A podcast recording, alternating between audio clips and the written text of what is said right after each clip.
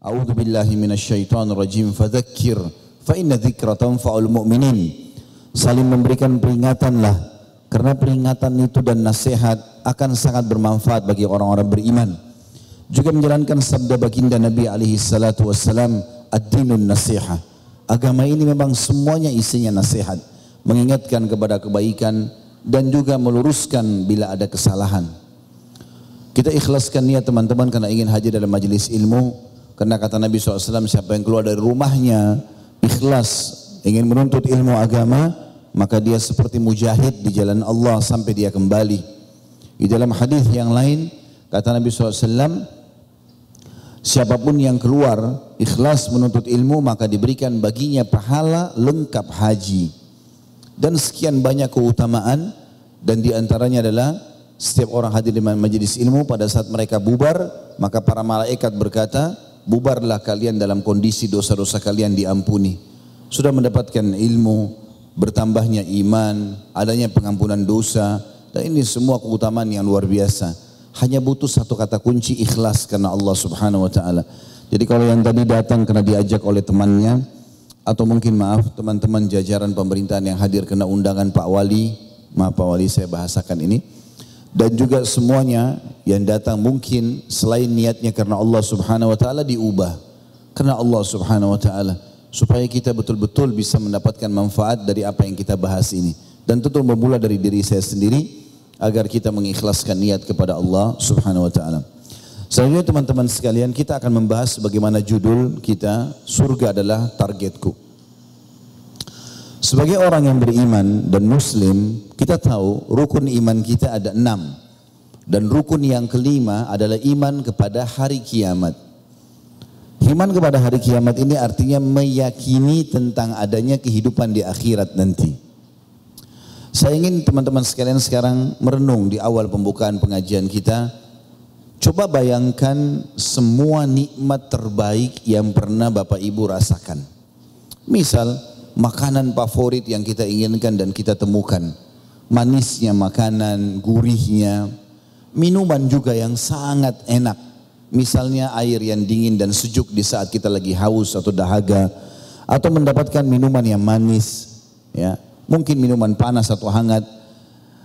Atau mungkin kita mendapatkan pakaian kesukaan kita baik dari sisi warna, jenis kain, ya, merek tertentu misalnya atau mungkin kita menginginkan kendaraan dan termudahkanlah kendaraan itu kita miliki. Sehingga kita bangga dengan kendaraan tersebut dan kita nyaman menggunakannya. Atau mungkin rumah, tempat tinggal yang kita banggakan karena luasnya, ada halamannya, warna dindingnya, ada fasilitas di dalamnya.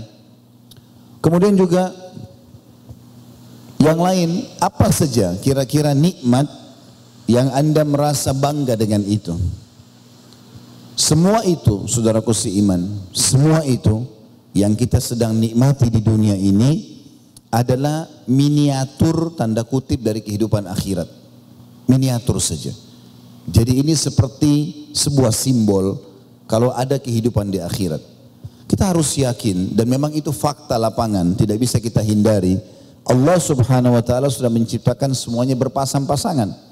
Ada laki-laki, ada perempuan. Ada pagi, ada malam. Ada sehat, ada sakit. Ada kaya, ada miskin. Ya. Ada tinggi, ada pendek. Ada lapar, ada kenyang. Semuanya berpasang-pasangan. Ada muda, ada tua. Ada hidup, ada mati. Ada dunia, ada akhirat. Ini fakta. Dan tidak bisa kita pungkiri. Kalau seseorang berjalan dengan fakta ini, kapan dia sakit, dia akan tahu, oh saya dulu pernah sehat. Maka sakit ini akan datang. Tidak ada orang sepanjang umurnya sampai mati nggak pernah sakit. Memang benar kita dianjurkan dalam agama menjaga kesehatan, tapi akan terlintas hidup kita ada sakit. Ya. Maka ini adalah sunnatullah. Sebagaimana kita hidup di dunia ini, maka akan ada kehidupan di akhirat sana. Semua nikmat tadi yang saya katakan itu seperti miniatur saja. Kok bisa?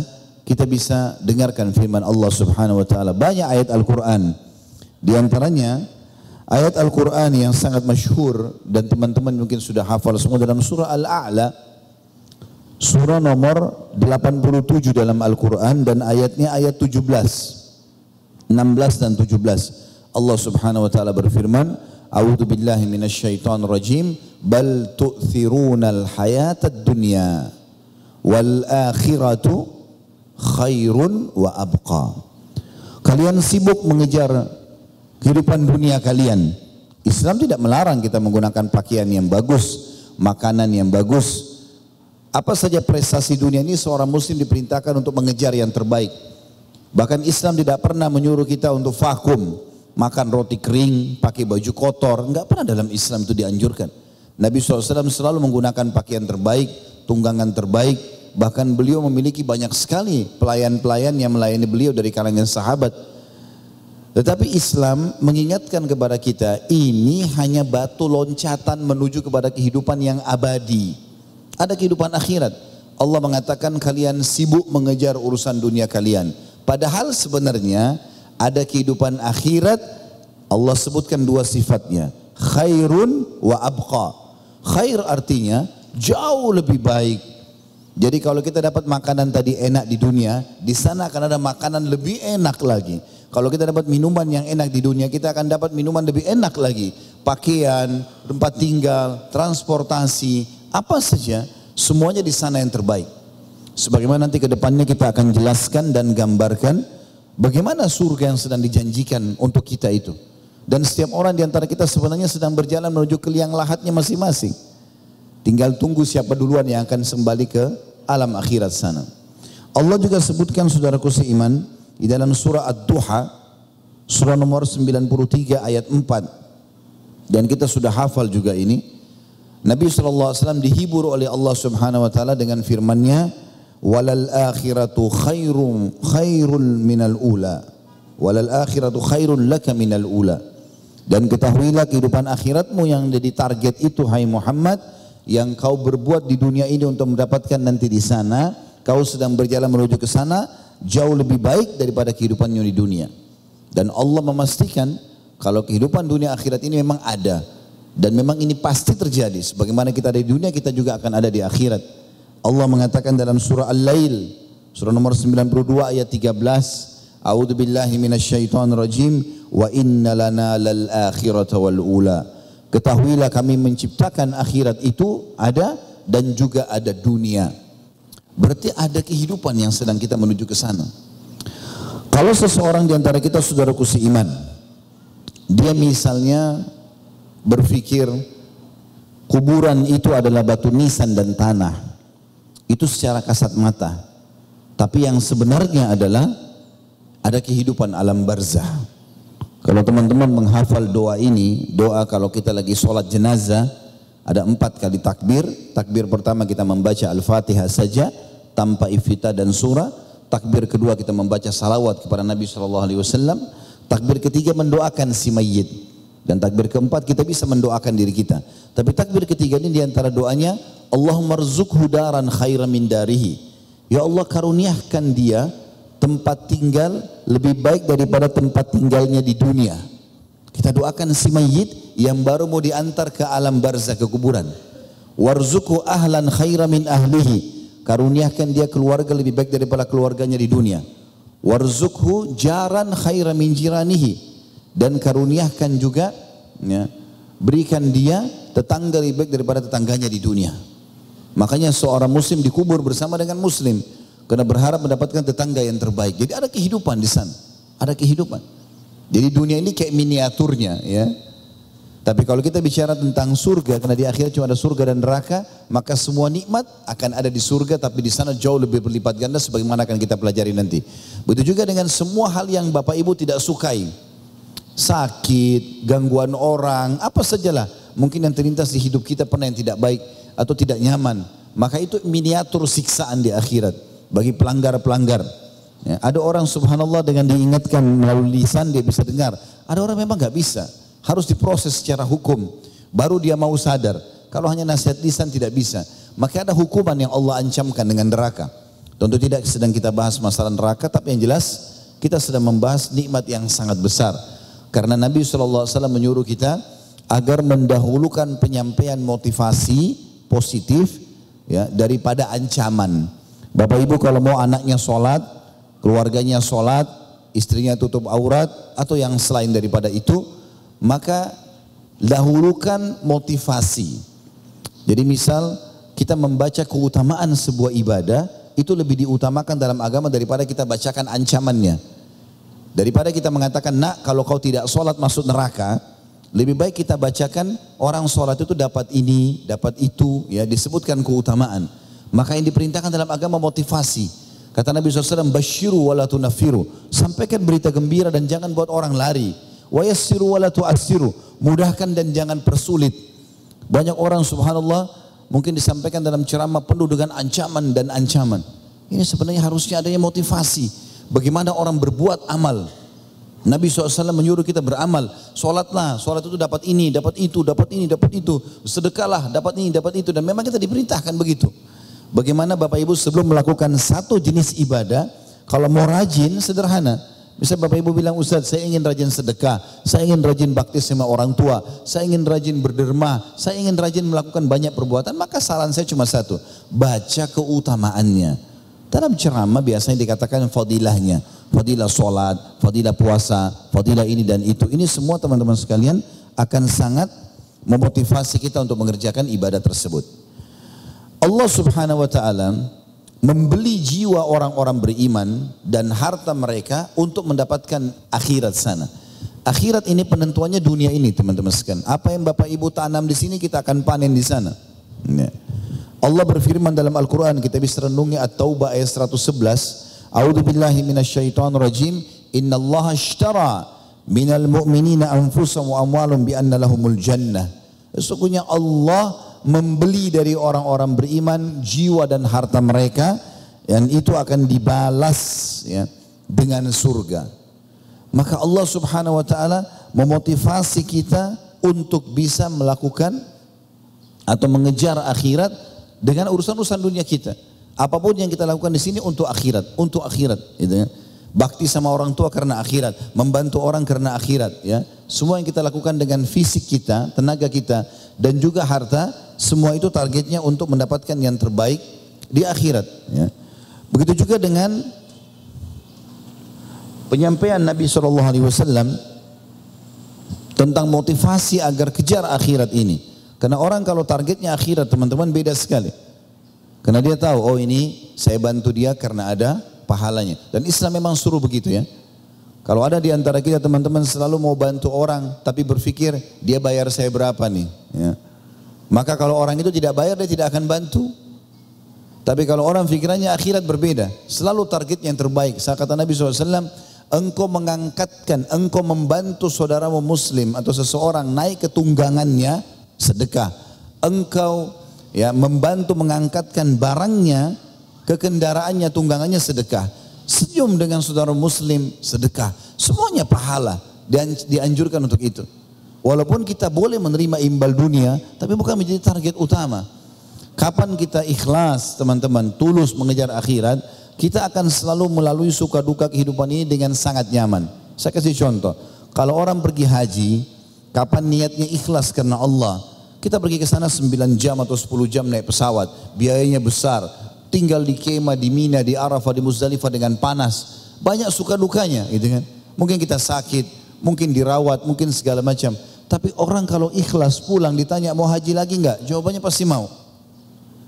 Karena dia tahu ini semua yang dia kejar adalah urusan akhiratnya. Kalau ada orang terzalimi di muka bumi ini dan dia yakin tentang kehidupan akhirat, dia coba ikhtiar untuk mengambil haknya. Tapi kalau dia tidak bisa, oh dia tahu ada urusan akhirat. Sampai Nabi SAW ingatkan dalam sebuah hadis Bukhari Muslim, siapa yang punya permasalahan dengan saudaranya, selesaikan di dunia ini. Sebelum datang akhirat, tidak ada lagi transaksi jual beli. Tidak ada lagi dirham dan dinar. Kata para sahabat, ya Rasulullah, lalu di akhirat apa nanti? Kalau orang sedang berseteru di hadapan Allah, bukan lagi pengadilan manusia, bagaimana penyelesaiannya? Kata Nabi SAW, pahalamu atau dosa dia. Artinya, kalau kau sudah pernah mengambil haknya orang lain, 2 juta rupiah misalnya, dia tidak akan minta rupiah di akhirat, gak berlaku lagi rupiahnya. Atau dolarnya, atau euronya, atau realnya, tidak berlaku lagi. Tapi yang berlaku adalah bagaimana dia akan mengambil pahala-pahala kita. Sampai kata Nabi SAW, apakah kalian tahu siapa orang yang bangkrut itu? Kata para sahabat, pikiran sahabat masih di dunia. Para sahabat mengatakan yang tidak ada dirham dan dinarnya ya Rasulullah. Orang bisnis, duitnya habis semua. Kata Nabi SAW, bukan, itu kecil. Orang yang bangkrut yang sebenarnya adalah orang yang datang di akhirat nanti. Kemudian dia membawa pahala solat lengkap, pahala puasa lengkap, pahala zakat lengkap, pahala haji lengkap. Tapi dari satu sisi dia pernah mencaci maki orang yang ini, dia pernah memukul orang yang itu, dia pernah mengambil haknya orang yang ini. Maka datanglah mereka menuntut hari kiamat di mahkamah Allah. Maka diberilah pahala-pahala dia. Solatnya, zakatnya semua dibagi-bagi kepada orang yang punya hak atas dia di dunia. Kata Nabi SAW, fa'in funiyat hasanatu. Kalau sudah habis pahala-pahala dia, masih ada nuntut ukhida min sayyiatihim. Diambillah dari dosa-dosa orang yang masih nuntut dibebankan pada dia. Rugi sekali. Bukan dia yang berzina, bukan dia yang riba, bukan dia yang melakukan pelanggaran, tapi dia harus menanggung itu hanya karena dia tidak menjaga hubungan sama manusia selama di dunia. Makanya Nabi SAW ingatkan, ini masalah motivasi akhirat besar sekali dalam agama. Kata beliau dalam hadis diriwayatkan oleh Hakim dan Tirmidzi, "Man khafa ulaj." Siapa yang punya takut terhadap akhirat, dia tahu ada kehidupan dan kebangkitan di sana, maka dia akan berangkat di permulaan malam. Artinya bersegera, tidak nunggu nanti tua baru ke masjid, tidak nunggu nanti tua baru pakai jilbab, tapi dari awal dia sudah mengerjakan itu. Wa man ulaja balagal manzil dan siapa yang jalan di awal malam dia akan sampai ke rumahnya atau targetnya. Ala inna silatallahi ghaliyah Ketahuilah balasannya Allah itu barang dagangannya Allah mahal sekali. Ala inna silatallahi jannah. Karena balasan Allah itu adalah surga. Nabi SAW pernah ditanya oleh seorang sahabat, Ya Rasulullah, duluni ala amalin, idha amiltuh dakhaltul jannah. Ya Rasulullah, tunjukkan tolong aku amalan, kalau aku kerjakan aku bisa masuk surga nanti di akhirat. Faqala, an ta'budallaha wa la tusyriku bihi syai'a. Kamu sembahlah Allah itu. Yakini tidak ada pencipta kecuali Allah subhanahu wa ta'ala dan jangan menyekutukannya. Jangan pernah ikut sertakan Allah dengan makhluk. Ya. Karena memang teman-teman sekalian coba pikirkan baik-baik. Tidak ada Tuhan selain Allah. Cara merenunginya secara akal. Coba datangkan semua Tuhan yang dianggap oleh orang-orang yang belum beriman kepada Allah. Ya, seperti misalnya para penyembah patung. Uniknya patung-patung yang disembah ini dia yang pahat, dia yang ukir, dia yang berikan warna, dia yang berikan nama, dia yang memikulnya ke tempat yang dia ingin sembah. Lalu kalau rusak dia juga yang perbaiki, lalu dia panggil Tuhan. Ya. Ini sangat luar biasa. Makanya fase Mekah orang-orangnya cerdas. Abu Jahal, Abu Lahab itu saudagar-saudagar kaya raya semua. Tapi dijuluki dengan masa jahiliyah. Kenapa? Karena mereka masih sembah patung. Patung dia sendiri yang buat lalu dia panggil namanya lalu dia anggap Tuhan. Begitu juga orang yang menyembah pohon dianggap keramat. Apalah bintang-bintang, gunung, segala macam. Semua itu kalau sebagai seorang muslim adalah la ilaha illallah. Tidak ada yang menciptakan, mengurus, mengawasi kecuali Allah. Allah turunkan 114 surah dalam Al-Quran. Dan diutus utusannya Nabi Muhammad SAW membawa keterangan yang lengkap dengan masalah itu. Allah menantang banyak siapa yang menciptakan selain Allah. Datangkan bukti-buktinya. Kita juga bisa lihat bagaimana kebenaran Allah SWT dari hukum syariatnya. Mana halal, mana haram. Semuanya yang halal yang diperintahkan maslahat. Jujur, amanah, tanggung jawab, bakti sama orang tua, berbuat baik sama orang lain, menjenguk orang sakit, segala macam hal.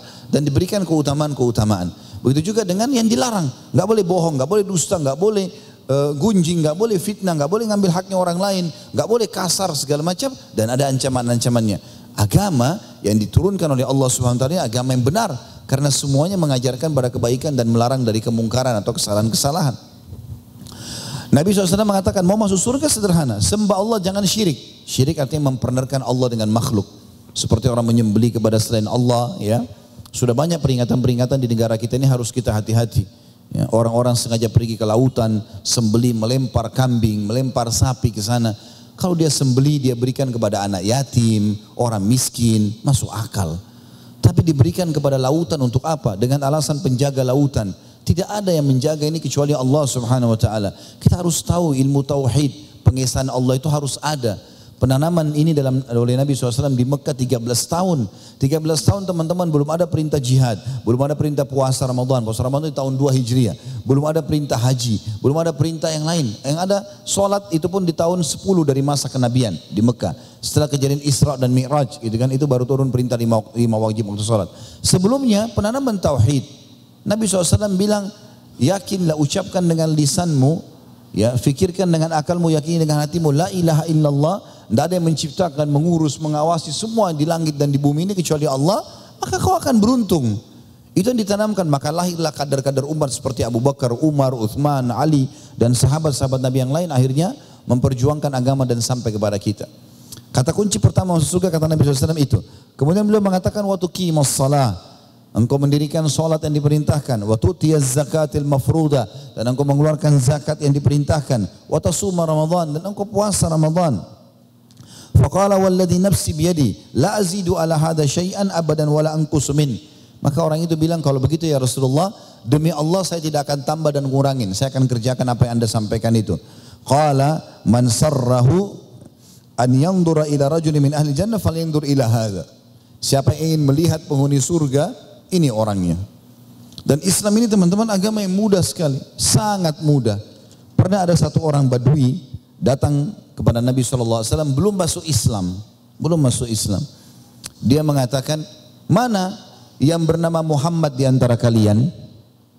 Maka tiba-tiba saja Nabi SAW waktu itu lagi meletakkan sikunya di tanah dan kakinya ngelonjor karena Nabi biasa ini namanya itika Biasanya Nabi SAW kalau ngobrol santai dengan sahabat begitu. Lalu Nabi bilang, saya, kata orang itu, saya ingin bertanya kepada Muhammad, jawablah apa adanya. Kata Nabi SAW, baiklah, silahkan. Dia bilang, siapa yang meninggikan langit dan menciptakan langit yang luas ini? Kata Nabi SAW, Allah. Lalu dia bilang lagi, baik Muhammad, saya bertanya lagi, siapa yang menghamparkan bumi ini? Datar bisa dibangunin, bisa dicocok tanamin, bisa dijalanin atasnya dan seterusnya. Kata Nabi SAW, Allah. Lalu dia bilang lagi, siapa yang menancapkan gunung-gunung di bumi ini sehingga banyak sekali gunung-gunung ya, dengan segala macam jenisnya. Kata Nabi SAW, Allah. Lalu orang itu mengucapkan kalimat teman-teman yang membuat Nabi Muhammad SAW dari berbaring santai sampai duduk. Karena luar biasa kalimat orang ini. Dia bilang apa? Saya bertanya kepada hai Muhammad atas nama Allah yang telah menciptakan meninggikan langit, menghamparkan bumi dan menancapkan gunung-gunung di atasnya. Apakah Allah mengutusmu kepada kami? Kata Nabi SAW, iya. Nabi duduk, lalu Nabi mengatakan dengan tenang, iya. Dia bertanya lagi, aku bertanya lagi kepada Muhammad atas nama Allah yang telah meninggikan langit, menghamparkan bumi, menancapkan gunung-gunung. Apakah Allah memerintahkan kepadamu untuk menyampaikan kepada kami agar mengerjakan lima waktu sholat? Kata Nabi SAW, iya. Aku bertanya lagi, hai Muhammad atas nama Allah yang meninggikan langit, menghamparkan bumi, menancapkan gunung-gunung. Apakah Allah memerintahkan kau menyampaikan kepada kami agar kami keluarkan zakat harta kami dari orang kaya kami kepada orang miskin kami? Kata Nabi SAW, iya. Kemudian dia katakan lagi, aku bertanya lagi, hai Muhammad atas nama Allah meninggikan langit, menghamparkan bumi, menancapkan gunung-gunung. Apakah Allah memerintahkan kau menyampaikan kepada kami agar puasa sebulan dalam setahun, bulan Ramadan? Kata Nabi SAW, iya. Aku bertanya lagi, atas nama Allah meninggikan langit, menghamparkan bumi, menancapkan gunung-gunung. Apakah Allah memerintahkan kau menyampaikan kepada kami agar kami haji setahun sekali? Atau sekali seumur hidup kami kemudian ke Baitullah di Mekah? Kata Nabi SAW, iya. Lalu orang itu mengatakan apa? Ashhadu an la ilaha illallah wa anna Muhammad Rasulullah. Syahadat dia. Lalu dia mengatakan, wahai Rasulullah, andai saja saya kerjakan tadi lima itu, rukun Islam. Apakah apa apa yang saya dapatkan? Kata Nabi SAW, kau akan masuk surga. Kau akan masuk surga. Kata dia demi Allah saya tidak akan saya tidak akan kurangi dan saya tidak akan tambah. Udah saya kerjakan itu saja. Lalu dia keluar. Lalu Nabi SAW tunjuk siapa yang mau lihat penghuni surga, lihat orang ini. Islam gampang teman-teman. Lima rukun Islam. Yang wajib-wajib kerjakan itu. Jaga wajib itu. Lima waktu sholat. Bapak ibu hanya punya punya waktu 24 jam Allah kasih kita waktu. Satu jam ada 60 menit, satu menit ada 60 detik. Allah minta lima waktu sholat ini seperti orang absen. Subuh, cuma dua rakaat, lima menit, tuhur, asar, maghrib, isya. Kita seperti sedang absen, iya saya ada. Dan di antara sholat ini pembersihan dosa di antara keduanya. Kata Nabi SAW antara sholat dengan sholat selanjutnya pembersihan dosa-dosa. Ada kesalahan bisa diampuni. Gitu. Ringan sekali. Zakat setahun sekali dikeluarkan. Itu pun kalau mencapai syaratnya. Haul dan nisab. Masa setahun harta itu disimpan dan juga nisab. Ada kadarnya 85 gram emas. Kalau tidak ini maka tidak wajib keluarkan zakat. Kemudian puasa Ramadan juga setahun sekali. Dari 12 bulan Allah kita kasih kita waktu. Ini teman-teman kalau badan kita ini mesin udah rusak ini. Masuk panas, masuk dingin, masuk manis, masuk asam. Kadang-kadang kita sudah mau tidur pun masih melakukan itu. Dalam setahun butuh istirahat. Ini kalau mesin harus diservis. Mobil ini diservis. Ramadan itu servis badan. Diistirahatkan dulu, baru kita pakai lagi 11 bulan ke depan. Cuma setahun sekali. Haji setahun sekali saja. Setahun eh, sekali seumur hidup. Bagi yang mampu yang kedua, yang ketiga sudah sunnah hukumnya. Boleh berulang-ulang tapi yang wajib cuma sekali. Setelah itu masuk surga. Nggak ada yang sulit dalam agama Islam. Kita tidak boleh persulit agama Islam sehingga kesannya sangat menakutkan. Ya. Saya berapa kali bimbing umroh dan haji, kemudian ada jemaah saya mengatakan, Ustaz, memang begini panduan dalam Islam? Saya bilang iya. Kok mudah sekali ya? Kesannya saya dulu waktu umroh sebelumnya susah sekali. Kayak harus ada ini, ada itu, ada ini. Loh, saya bilang ini Islam. Rukun umroh, rukun haji ada. Bapak ibu kerjakan, ikhlaskan niat, uangnya halal diterima. Seorang muslim harus yakin dengan itu. Kalau Bapak Ibu lakukan ibadah-ibadah sunnah, duhanya, qobliyah, ba'diyah, sholat malam, tahiyat masjid, wudhu, taubat, itu tambahan. Lebih bagus lagi kalau kita menambah. Tapi yang wajib-wajib sudah aman sebenarnya. Jadi surga itu bukan hal yang berat untuk bisa kita dapatkan. Asal kita mau saja. Nabi Muhammad SAW juga bersabda, di dalam hadis yang masyhur, Suatu hari surga dan neraka pernah meminta. Surga berkata, ya Tuhanku, buah-buahku telah ranum, sungai-sungaiku telah mengalir, dan aku telah rindu kepada wali-waliku. Maka antarlah mereka ke tempatku. Jadi teman-teman sekalian surga dan neraka sudah diciptakan ya. Sudah ada. Bahkan jauh sebelum kita manusia diciptakan. Kita perlu tahu kita ini manusia makhluk terakhir yang Allah ciptakan. Sebelum kita sudah ada jin, sudah ada hewan-hewan, jadi kalau ada manusia sekarang meneliti mengatakan ini hewan fosilnya dari sekian miliar tahun yang lalu, itu bisa benar. Karena Nabi Adam alaihissalam waktu diciptakan malaikat sudah ada. Jin sudah ada, iblis itu dari jin. Yang tidak mau sujud sudah ada. Bahkan di muka bumi sudah ada hewan-hewan, sudah ada semua ini.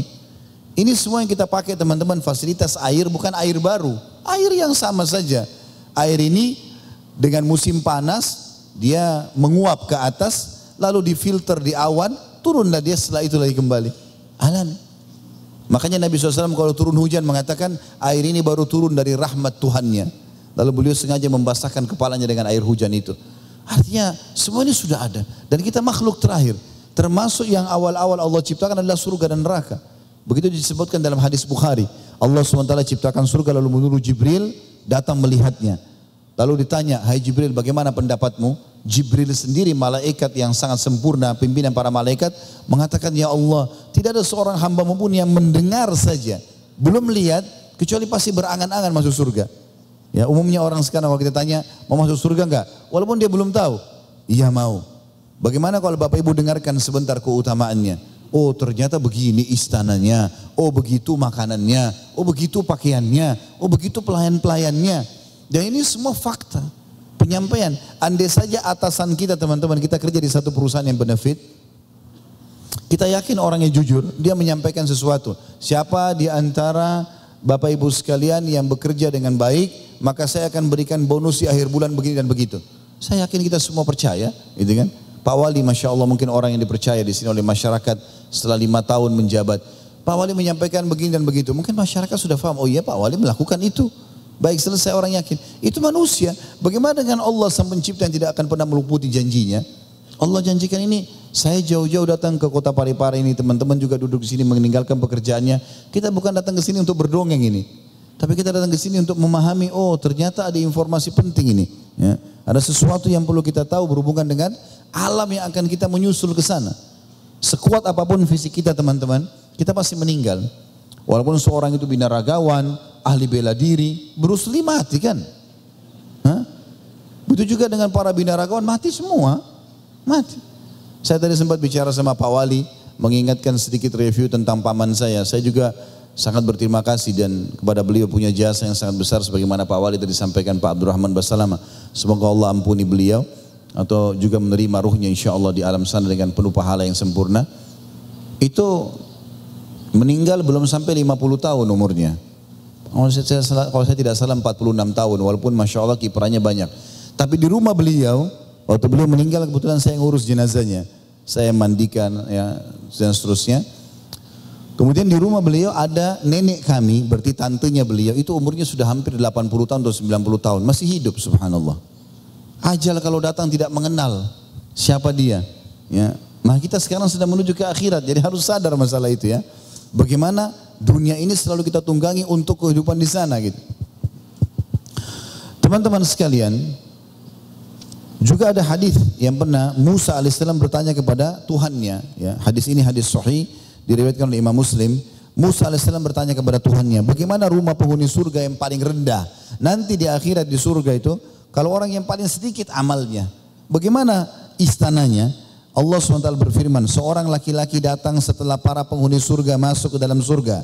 Dikatakan kepadanya, masuklah ke dalam surga. Lalu ia berkata, Tuhanku, Bagaimana kau harus masuk sementara seluruh manusia telah menempati rumahnya masing-masing dan mereka telah mengambil jatahnya masing-masing. Dalam riwayat dikatakan dia seakan-akan melihat surga sudah penuh, nggak ada tempat lagi buat dia. Ini orang yang paling terakhir masuk ke surga. Allah berfirman, maukah kamu diberi kenikmatan sebanyak yang dimiliki salah seorang raja dunia? Maka orang itu menjawab, aku mau wahai Tuhanku. Maka Allah berfirman kepadanya, apakah engkau mau diberi lima kali lipat lebih banyak dari yang dimiliki raja dunia? Maka dia mengatakan, aku mau wahai Tuhanku. Musa alaihissalam lalu bertanya, kemudian itu rumah yang terendah artinya lima kali lipat yang dimiliki raja dunia. Riwayat lain dikatakan sepuluh kali lipat dimiliki raja terkaya dunia. Itu orang terendah di surga nantinya. Lalu kata Nabi Musa alaihissalam, bagaimana dengan orang yang paling tinggi kalau itu yang paling rendah? Dan kita tahu raja terkaya di dunia adalah Sulaiman alaihissalam. Nabi Sulaiman alaihissalam raja terkaya dunia. Maka Nabi Sulaiman alaihissalam jalan itu tidak injak tanah lagi, dibawa oleh angin. Ya. Dia bisa perintahkan jin, istananya dari kaca. Kisah Nabi Sulaiman bisa Bapak Ibu baca banyak sekali luar biasa tentang keadaannya sampai dia bisa mendengarkan suara semut dalam surah An-Naml, surah tentang semut diceritakan itu. Nabi Sulaiman alaihissalam ya pernah satu kali jalan dibawa oleh angin di, ada satu masyarakatnya bilang, Maha suci Allah yang telah memberikan anaknya Daud kekuasaan ini. Rupanya angin bawa suaranya orang itu ke Nabi Sulaiman di atas. Lagi terbang dia. Jadi sudah biasa lewat itu terbang dengan di bawah angin gitu. Maka Nabi Sulaiman turun lalu berkata kepada orang itu, kebetulan itu petani, apa yang kau ucapkan tadi? Rupanya dia sempat takut jangan sampai Sulaiman AS marah. Dia bilang saya cuma bilang maha suci Allah subhanallah yang telah memberikan anaknya Daud kerajaan ini. Kata Nabi Sulaiman alaihissalam ketahuilah awal potongan lisanmu tadi kata-katamu itu maha suci Allah itu akan kekal sampai di surga. Tapi yang kau ucapkan potongan keduanya kerajaan anaknya Daud akan hilang dengan meninggalnya saya. Nabi Sulaiman alaihissalam punya kerajaan sangat besar luar biasa gitu. Sampai Ratu Balkis masuk Islam gara-gara kagum melihat istananya gitu kan. Terbuat dari kaca banyak diceritakan dalam surah An-Naml, surah Al-Qasas. Bapak Ibu bisa kembali. Ringkas ceritanya orang yang paling sedikit amalnya di dunia, dia akan memiliki minimal 10 kali lipat raja terkaya dunia. Sulaiman alaihissalam itu di surga. Bagaimana dengan orang yang sibuk setiap hari dengan ibadah-ibadah? Dia akan mendapatkan sesuatu yang sudah tidak bisa digambarkan. Kata kata Musa alaihissalam, bagaimana dengan istana tertingginya? Kalau begitu, kata Allah subhanahu wa taala, itulah orang-orang yang aku tanamkan kemuliaan mereka dengan tanganku sendiri dan aku sendiri yang akan membalasnya. Aku janjikan buat mereka yang belum pernah mata lihat, belum pernah telinga dengar, dan belum pernah terlintas dalam hati manusia. Sama sekali tidak pernah terlintas dalam hati manusia. Teman-teman sekalian kita sebagai orang muslim juga harus bangga kalau kita ini akan menjadi orang yang pertama masuk dalam surga nanti. Dengarkan hadisnya. Kata Nabi SAW dalam hadis Bukhari Muslim, Nahnul akhiruna wa nahnus sabiquna yaumal qiyamah. Kitalah manusia atau umat terakhir menjelang hari kiamat ini dan kitalah yang paling awal nanti di akhir kiamat. Ya e, baida anna kulla ummatin utiyat kitab min qablina wa utina min ba'dihim. Ya, Mereka diberikan kitab sebelum kita dan kita diberi kitab sesudah mereka. Cuma saja mereka diberikan kitab sebelum kita dan kita sudah diberikan kitab sesudah mereka. Dan kata Nabi SAW, surga diharamkan untuk nabi-nabi sampai aku masuk dan diharamkan untuk umat-umat sampai kalian masuk. Ya. Dan kata Nabi SAW, sesungguhnya, ya sesungguhnya setiap umat sebelum kalian berharap berharap menjadi kalian karena kalian adalah umat yang terbaik. Ini juga satu karunia yang luar biasa. Kalau kita hidup di zaman Nabi, du, Nabi Daud, Nabi Sulaiman, kita juga kalau beriman masuk surga. Tapi tidak seperti keadaan kita dengan umat Muhammad SAW. Ini keutamaan tersendiri. Juga teman-teman sekalian, ya, keutamaan yang lain adalah dikatakan awal umat ini yang masuk ke dalam surga akan terbang melalui sirat menuju ke surga seperti bulan purnama di malam Lailatul Qadar, cahaya terang sekali. Kemudian datang setelahnya seperti bintang-bintang di langit. Mereka tidak akan buang air kecil, mereka tidak akan buang air besar di, di surga itu. Mereka tidak akan meludah, mereka tidak akan lagi beringus. Sisir mereka dari emas, ya rambut eh, minyak wangi mereka dari kasturi dan bakaran-bakaran dupa mereka dari al-uluwa. Uluwa ini kayu-kayu yang wangi.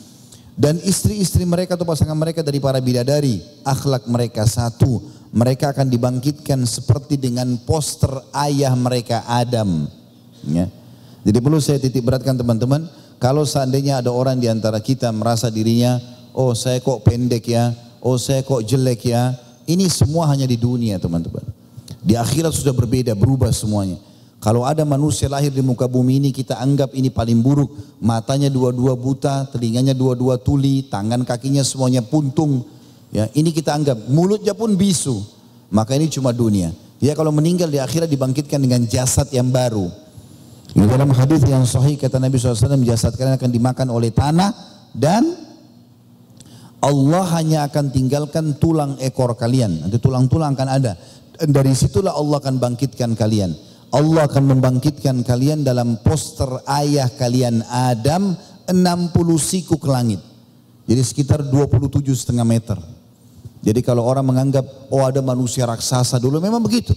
Bahkan kata Nabi SAW karena akan dibangkitkan seperti Adam 60 siku langit dan manusia terus memendek sampai menjelang hari kiamat. Tapi di akhirat sudah berbeda. Kalau ada orang menganggap dirinya, oh kenapa saya kulitnya hitam, kenapa saya wajah saya jelek, ini hanya di dunia. Di akhirat sudah berbeda. Kata Nabi SAW, ahli surga postur tubuhnya seperti Adam. Wajahnya seperti Yusuf. Ya. Dan hatinya seperti Ayub. Nabi Yusuf AS waktu lewat di depannya perempuan-perempuan Mesir. Nah, perempuannya ini bingung. ya Tidak tahu karena tampannya ada apel sama ada pisau. Mereka bingung. Mana apel, mana jari. Jarinya dipotong. Itu Al-Quran menceritakan. Saking tampannya Nabi Yusuf begitu lewat maka perempuan-perempuan itu memotong jari mereka tanpa mereka sadari. Dan Al-Quran menceritakan masalah itu. Saking tampannya ini, ini tidak mungkin. Bapak-bapak sama saya di sini lewat depan orang tidak akan mungkin ada yang potong tangan kan. Hmm. Tapi itu luar biasa. Orang masuk surga wajahnya sudah seperti Yusuf alaihissalam semuanya tidak terkecuali, gitu kan? Dan hati mereka seperti Ayub. Nabi Ayub teman-teman terkenal sekali tidak pernah sama sekali marah. Nabi Ayub alaihissalam tidak pernah berkeluh kesah. 20 tahun dia diberikan nikmat sama Allah, kerajaan, kekuatan fisik, ketampanan, keturunannya sampai 12. 20 tahun. Tahun ke-21 dari nikmat itu, tiba-tiba dalam tiga hari Allah uji dia, kena penyakit. Kusta, semua masyarakatnya tinggalkan dia.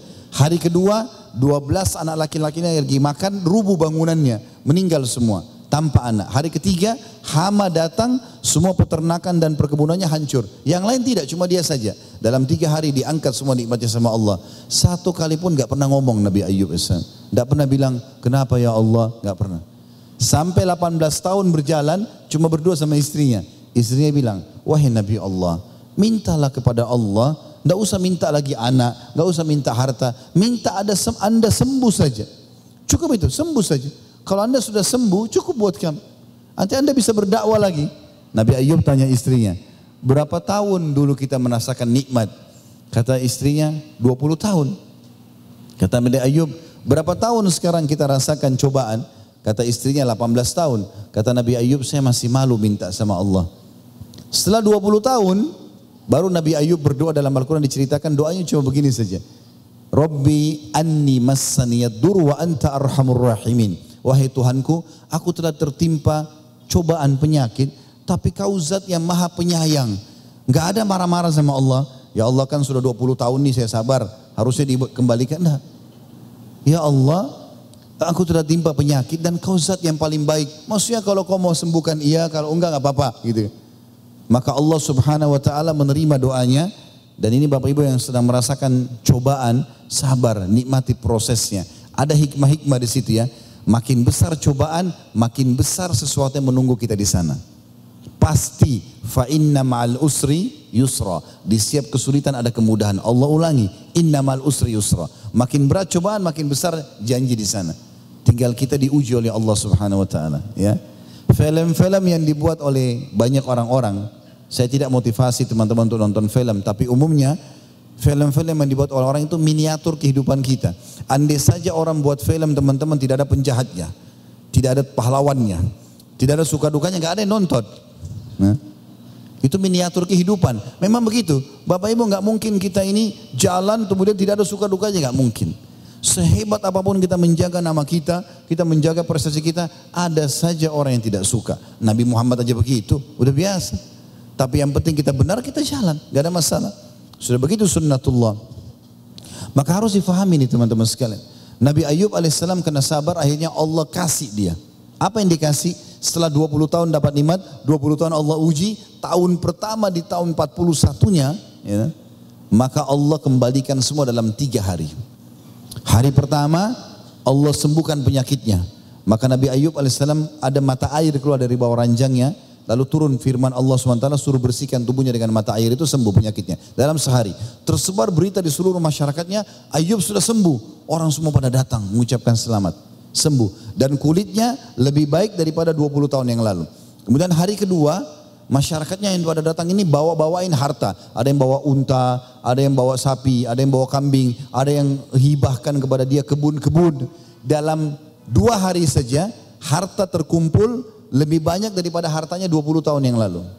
Dan hari ketiga istrinya hamil dan melahirkan anak-anak kembar Allah kasih 24 orang anak.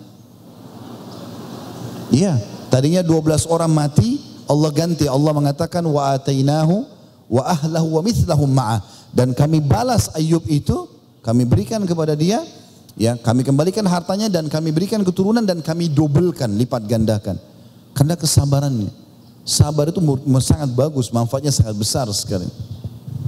Baik teman-teman sekalian, setelah memberikan gambaran tentang adanya kehidupan dunia dan akhirat ini, coba kita lebih dalam untuk melihat apa sih yang Allah janjikan di surga itu. Kita coba masuk teman-teman sekalian, poin demi poin, mudah-mudahan Allah mudahkan waktunya bisa saya selesaikan. Dimulai dengan pintu gerbangnya surga. Karena kita kalau mau lihat bangunan itu bagus atau tidak, biasanya dimulai dari pintu gerbang ya.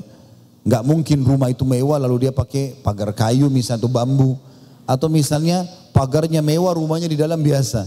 Orang melihat seganjil. Biasanya mulai dari pintu gerbang ya. Pintu gerbang ini teman-teman sekalian sangat besar. Bukan lagi pintu gerbang seperti pintu-pintu biasa. Kalau kita biasa masuk misalnya melihat istana-istana raja, maka biasanya cirinya itu pintunya tinggi besar. Bahkan saya lihat beberapa kali istana-istana yang dibuat maka pintunya tuh mungkin manusianya kalau berdiri kecil sekali kelihatan karena besarnya, menunjukkan kemewahan ya, kemegahan. Allah menyebutkan dalam Al-Qur'an banyak ayatnya di antara surah Sad ayat 50 sampai 51 a'udzu billahi minasyaitonir rajim. Jannati adnin mufattahatan lahumul abwab. Muttaqiina fiha yad'una fiha bifakihatin katsiratin wa syarab surga Aden yang akan dibukakan pintu-pintu gerbang buat mereka di dalamnya mereka bertelekan di atas dipan-dipan. Mereka akan bersantai-santai di atas ranjang-ranjang sambil meminta buah-buahan yang banyak dan minuman yang banyak di surga. Tentu ayat Al-Quran sering kali datang global. Kita dengarkan bagaimana penjelasan Nabi alaihi salatu wassalam. Kata Nabi SAW, fil jannati thamaniyatu abwab. Surga itu terdiri dari delapan pintu. Bab minha yusammar rayyan. Di antara delapan pintu itu ada pintu namanya Rayyan. La yadkhuluha illa saimun. Tidak akan dimasuki kecuali orang-orang yang berpuasa. Artinya ada surga, ada pintu surga itu. Lalu dijelaskan di dalam hadis yang lain Barang siapa yang berinfak dengan sepasang unta atau kuda, maksudnya jantan betina, lalu dia infakkan, disuruh ternakkan supaya diperbanyak, nanti disedekahkan secara umum. Barang siapa yang berinfak dengan sepasang unta atau kuda, atau binatang lainnya, sapi, kambing, ayam, maka ia dipanggil dari pintu-pintu surga, wahai hamba Allah, pintu ini lebih baik. Barang siapa yang rajin solat, maka dipanggil dari pintu solat. Barang siapa yang berjihad, dipanggil dari pintu jihad. Barang siapa yang rajin sedekah dipanggil dari pintu sedekah. Barang siapa yang puasa dipanggil dari pintu rayyan. Abu Bakar radhiyallahu lalu berkata, "Wahai Rasulullah, apakah setiap orang dipanggil dari pintu-pintu itu tergantung amalnya?" Kata Nabi SAW, iya. Artinya amal mana yang menonjol, itu yang akan dipanggil dia nantinya. Jadi di pintu itu ada ikem istana di sana, dia akan masuk. Lalu Abu Bakar bertanya dengan pertanyaan yang cerdas. Ya Rasulullah, apakah ada orang yang masuk dari semua pintu itu? Kata Nabi SAW, iya dan aku berharap kau salah satunya. Kalau ada orang yang mengimbangi semua ibadahnya dia kerjakan sama rata bagusnya, maka dia akan punya di setiap pintu itu istana di dalamnya yang dia bisa nikmati. Luas pintu tersebut teman-teman dijelaskan banyak sekali hadisnya. Di antaranya adalah kata Nabi SAW, Inna ma baina mis'araini fil jannah la masiratu arba'ina sana. Ketahuilah, jarak antara dua daun pintu gerbang surga itu adalah perjalanan 40 tahun. Jadi bukan lagi teman-teman jaraknya 10 meter, 20 meter, tapi jaraknya luar biasa. Ini baru gambaran tentang ya pintu gerbang. Dan Nabi SAW menjelaskan dalam hadis lain riwayat Imam Ahmad, kalian adalah penyempurna 70 umat manusia. Dari awal diciptakan sampai kita sekarang, kita ini adalah umat yang ke-70. Kalian adalah umat yang terbaik dan termulia di sisi Allah. Dan ketahuilah jarak di antara dua pintu gerbang surga itu adalah 40 tahun dan pada hari itu nanti di hari kiamat akan dipenuhi oleh manusia-manusia. Dinukil dari Abu Syekh, ini guru dari Ibnu Qayyim rahimahullah mengatakan dinukil dari kisah Abdullah bin Gayyath dari Al-Fazari dia mengatakan setiap orang mukmin di surga akan memiliki empat pintu di istananya. Jadi istana dia masuk ada empat pintu di situ. Pintu pertama untuk tempat masuk tamu-tamunya. Baik dari penghuni surga ataupun dari kalangan malaikat. Pintu kedua tempat masuk istri-istrinya yang tidak lain adalah wanita-wanita yang bermata elok. Yang ketiga ditutup pintu ketiga adalah ditutup antara dirinya dengan penghuni neraka. Ia bebas membukanya kapan ia mau untuk melihat penghuni neraka agar ia merasakan betapa agungnya nikmat yang diterima. Jadi nanti kita di surga teman-teman kita bisa lihat penghuni neraka. Tapi kita tidak akan masuk ke dalamnya, kita cuma lihat supaya kita tahu oh ternyata berat sekali siksanya di sana, gitu ya. Dan cukuplah hadis Nabi SAW yang berbunyi akan didatangkan hari kiamat nanti orang yang paling menderita di dunia selama 70 tahun hidupnya susah, tapi ahli surga, ahli surga selalu ibadah kepada Allah. Didatangkan nanti pada hari kiamat dicelupkan satu celupan di surga dikeluarkan Lalu ditanya, pernah enggak kamu rasakan kesusahan selama ini? Maka dia mengatakan tidak pernah sama sekali. Hilang dengan sekali celupan. Bagaimana dengan penghuninya? Lalu didatangkan orang yang paling nikmat di dunia, tapi ahli neraka. Dari lahir sampai meninggal dalam keadaan kafir. Tinggal di istana. Meninggal. Dimasukkan nanti di hari kiamat dalam neraka satu celupan dikeluarkan. Lalu ditanya, apa kau pernah rasakan nikmat selama ini? Dia bilang belum pernah. Hilang semua dengan sekali celupan di neraka itu surga kenikmatan abadi, neraka siksa yang abadi. Dan ini tidak boleh orang bermain-main dengan masalah ini. Harus tahu pilihannya untuk surga atau neraka adalah sekarang. Ya, bukan lagi ya, waktunya nanti. Nanti sudah penyesalan kalau orang tidak melakukan itu. Kemudian teman-teman sekalian, surga itu berada di langit, bukan di bumi ini. Kalau ada yang bertanya di mana surga itu? Ada di langit. Ibnu Qayyim rahimahullah menyebutkan dalam bukunya Hadil Arwah dan kebetulan memang buku ini yang sedang saya bedah sekarang, diterjemahkan dalam bahasa Indonesia dengan tamasya ke surga.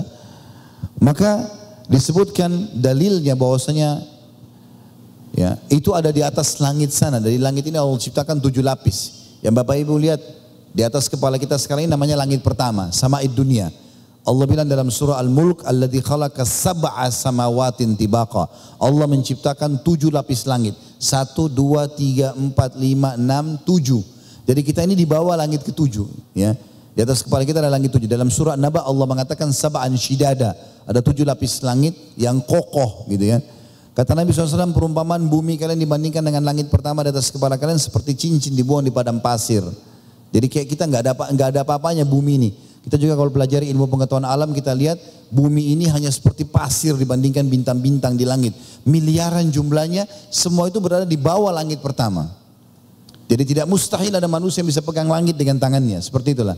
Bahkan para ilmuwan ateis pun mengatakan itu. Dan kata Nabi SAW di atasnya ada langit kedua, besarnya langit kedua itu digabung antara langit pertama sama bumi, dua-duanya hanya seperti cincin dibuang di padang pasir. Enggak kelihatan. Kemudian langit ketiga juga begitu, dua, satu dan bumi digabung seperti cincin dibuang di padang pasir. Sampai langit ketujuh, enam, lima, empat, tiga, dua, satu dan bumi digabung tujuhnya seperti cincin dibuang di padang pasir. Di atasnya Allah ciptakan sidratil muntaha, pembatas antara Allah dengan makhluknya besarnya kata Nabi SAW digabung tujuh lapis langit dengan bumi seperti cincin dibuang di padang pasir. Lalu di atasnya lagi ada Allah ciptakan lautan yang berada di bawah arsh singgasananya Allah. Allah bilang dalam Al-Quran wa kana arsyu alal ma dan singgasana Allah berada di atas air.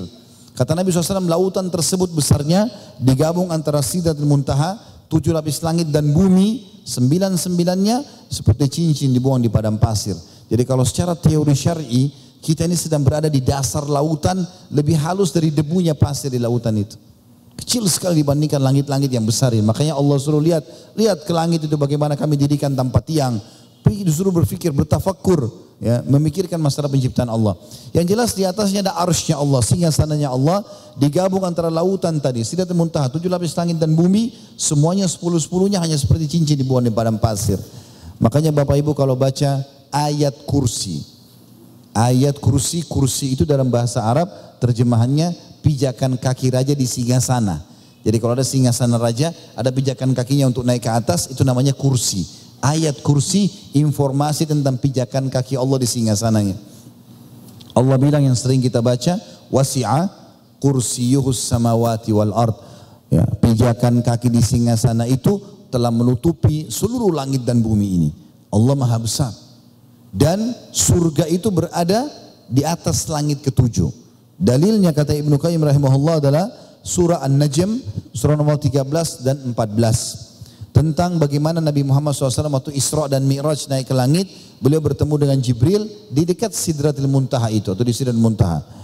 A'udzu billahi minasyaitonir rajim wa laqad ra'ahu nazlatan ukhra inda Sidratil Muntaha indaha jannatul ma'wa. Sesungguhnya Muhammad telah melihat Jibril yang kedua kalinya, yang pertama kali tentu melihatnya di Garul di Darul apa di Gua Hira waktu menerima pertama Iqra bismillahirrahmanirrahim khalaq. Yang kedua kali di Sidratul Muntaha untuk terima perintah salat. Dan di di Sidratul Muntaha ya, dia melihat Jibril kedua kali Sidratul Muntaha dan di situlah ada surga. Di situlah ada surga. Juga dikatakan bahwasanya dalam surah Az-Zariyat ayat 22, A'udzu billahi minasyaitonir rajim. Fis samai rizqukum wa tu'adun. Di langitlah rezeki kalian dan apa yang dijanjikan kepada kalian. Kata Ibnu Abi Najih dari Mujahid dikatakan yang dimaksud dengan wa ma tu'adun dalam surah Az-Zariyat ayat 22 dan apa yang kalian janjikan adalah surga. Adalah surga. Abdullah bin Salam radhiyallahu anhu sahabat Nabi juga berkata, "Inna akrama khaliqatillahi Abul Qasim." Ketahuilah manusia yang paling sempurna adalah Abul Qasim, maksudnya Nabi Muhammad SAW. Wa innal jannata fis sama dan ketahuilah surga itu berada di atas langit. Dan juga Ibnu Abbas radhiyallahu anhu sahabat Nabi yang berkata surga berada di langit yang ketujuh dan Allah menjadikannya sesuai dengan kehendaknya nanti pada hari kiamat. Dan sekian banyak penyampaian tentang masalah surga itu ada di langit. Saudaraku si iman, lebih dalam lagi kita melihat masalah surga ini, ada penyampaian Nabi Shallallahu Alaihi Wasallam juga berhubungan dengan masalah surga ini. Ada tingkatan-tingkatan surga, derajat-derajat tergantung dengan kadar amal. Tentu teman-teman sekalian kita masuk surga dengan rahmat Allah. Tapi kadar amal kita berpengaruh tentang derajat di surga. Kalau ada teman-teman yang sudah 50 tahun sholat, beda dengan orang baru 2 tahun sholat gitu kan. Ada orang yang sudah 50 tahun sedekah dan orang baru sadar baru 2 tahun sedekah. Tentu berbeda. Kadarnya masing-masing sesuai dengan kadar upaya dia. Dan derajat-derajat itu sangat tinggi. Disebutkan di dalam sebuah uh, ayat Al-Quran, surah An-Nisa ayat 95 sampai 96, A'udzu billahi minasyaitonir rajim. La yastawil qa'iduna minal mu'minina garu ulid darri wal mujahiduna fi sabilillah bi amwalihim wa anfusihim. Tidak akan pernah sama kedudukan orang mukmin yang tidak ikut berperang, yang tidak mempunyai udur dengan orang yang berjihad di jalan Allah dengan harta juga jiwa mereka. Jadi ada perbedaan tentang kedudukan derajat mereka di surga nanti sesuai dengan kadar perbuatannya. Kata Nabi SAW dalam sebuah hadis pernah lewat keluar malam hari, langit lagi terang, bintang-bintang lagi terang. Kata Nabi SAW, apa kalian lihat bintang-bintang itu? Kata para sahabat, iya ya Rasulullah, kami lihat. Kata Nabi SAW, nanti kalau kalian di surga, kalian akan melihat istana-istana di surga seperti itu. Bintang-bintang, seperti bintang terang, cahaya. Tapi kita tidak tahu apa ada apa di sana. Lalu kata para sahabat, ya Rasulullah, apakah itu istana para nabi-nabi? Kata Nabi SAW, bukan. Orang-orang soleh dari umatku. Ada juga hadis yang menjelaskan, orang yang derajatnya lebih tinggi bisa mendatangi orang yang lebih rendah derajatnya. Tapi orang yang lebih rendah tidak bisa mendatangi orang yang lebih tinggi.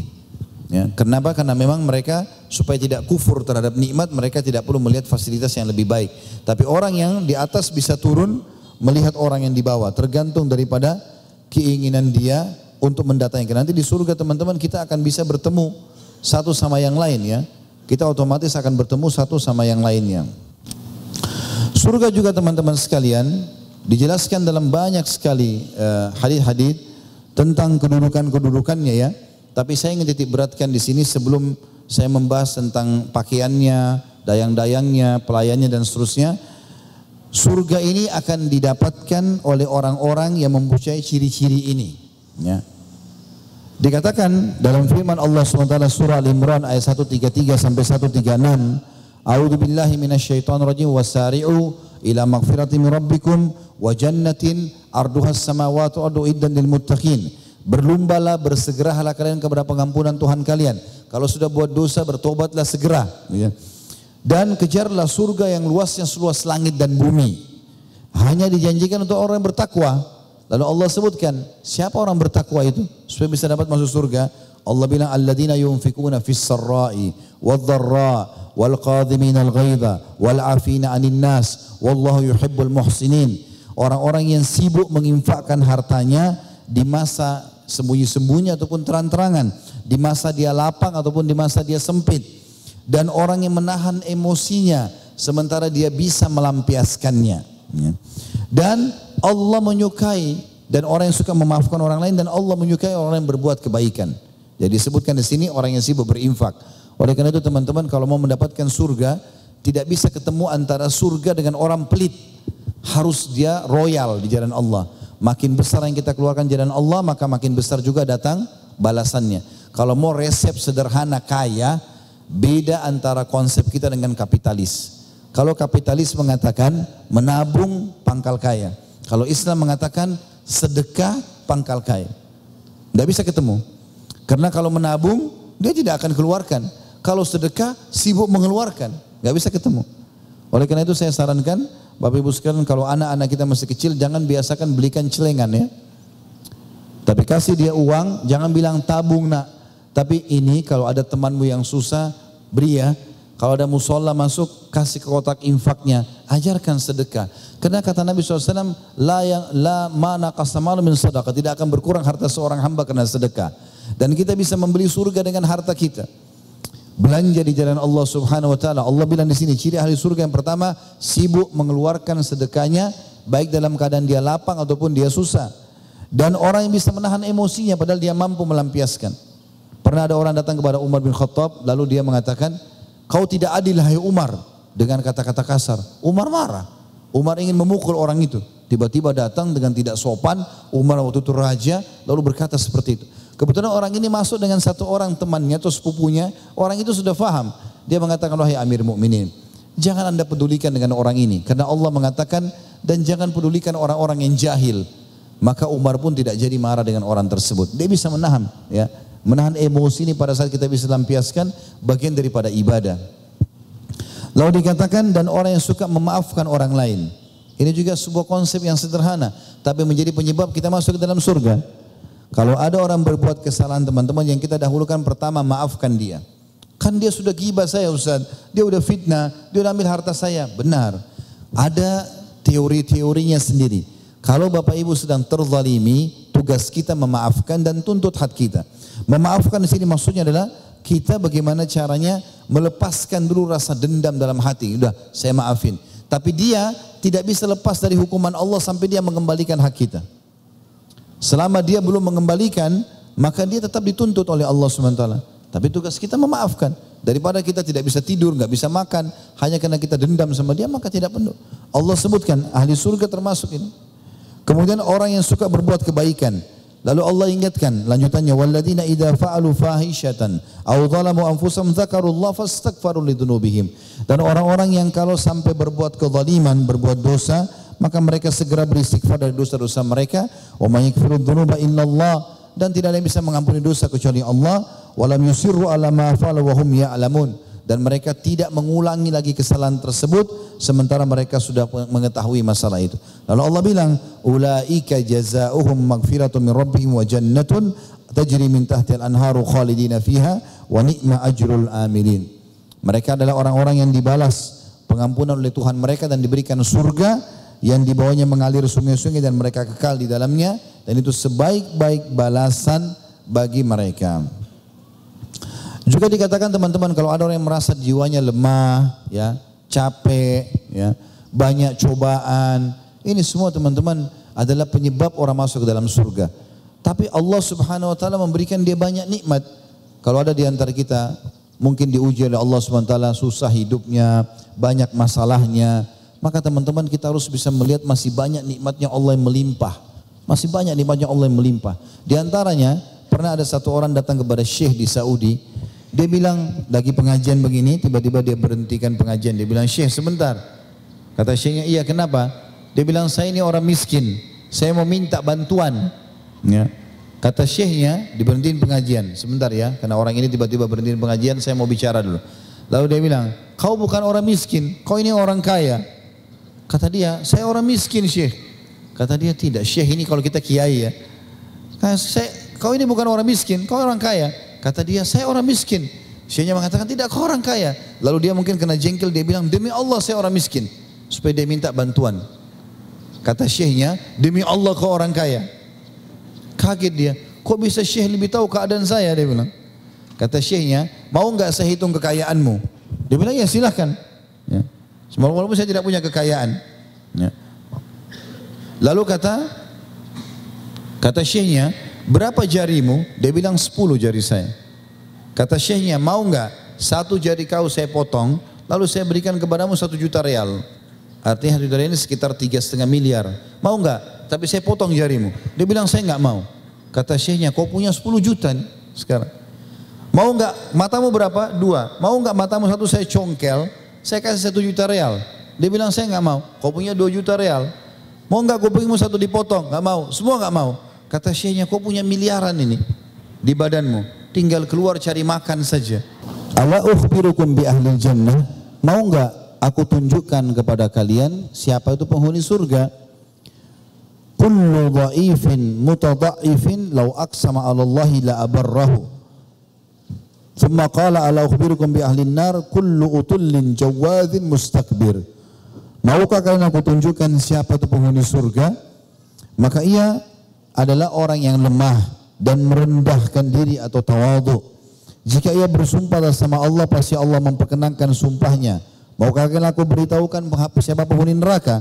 Maka mereka adalah orang-orang yang ingin diagung-agungkan, bermegah-megahan dan sombong. Hadis ini riwayat Bukhari Muslim. Artinya teman-teman sekalian, saya pernah melihat di Jakarta ya, saya melihat depan mata sendiri. Kalau lagi pas lagi pengajian, menuju ke pengajian yang lainnya, kadang-kadang tiba waktu duhur, mampir ke masjid sholat. Saya tergantung keadaan kalau pakai kendaraan, sering kali saya pakai motor gitu. Begitu saya masuk ke masjid, subhanallah lagi azan, mikrofonnya jelas besar sekali. Tapi yang mampir di masjid itu atau di musola, penjual bakso, penjual gorengan, ya, yang lewat pakai mobil Alphard, mobil Mercy, nggak ada yang mampir sholat. Ya. Maka subhanallah saya hubungkan dengan hadis Nabi SAW.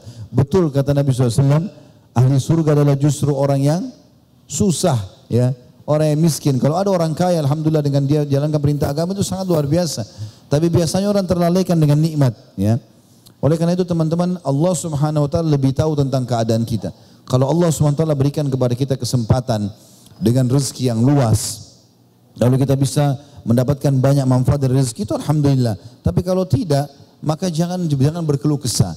Tetap berusaha mendapatkan yang terbaik, tapi kita ketahui ini adalah yang terbaik buat kita. Kata Nabi SAW dalam sebuah hadis, ada hamba-hamba Allah yang Allah berfirman kepada para malaikatnya, luaskan rezekinya orang ini.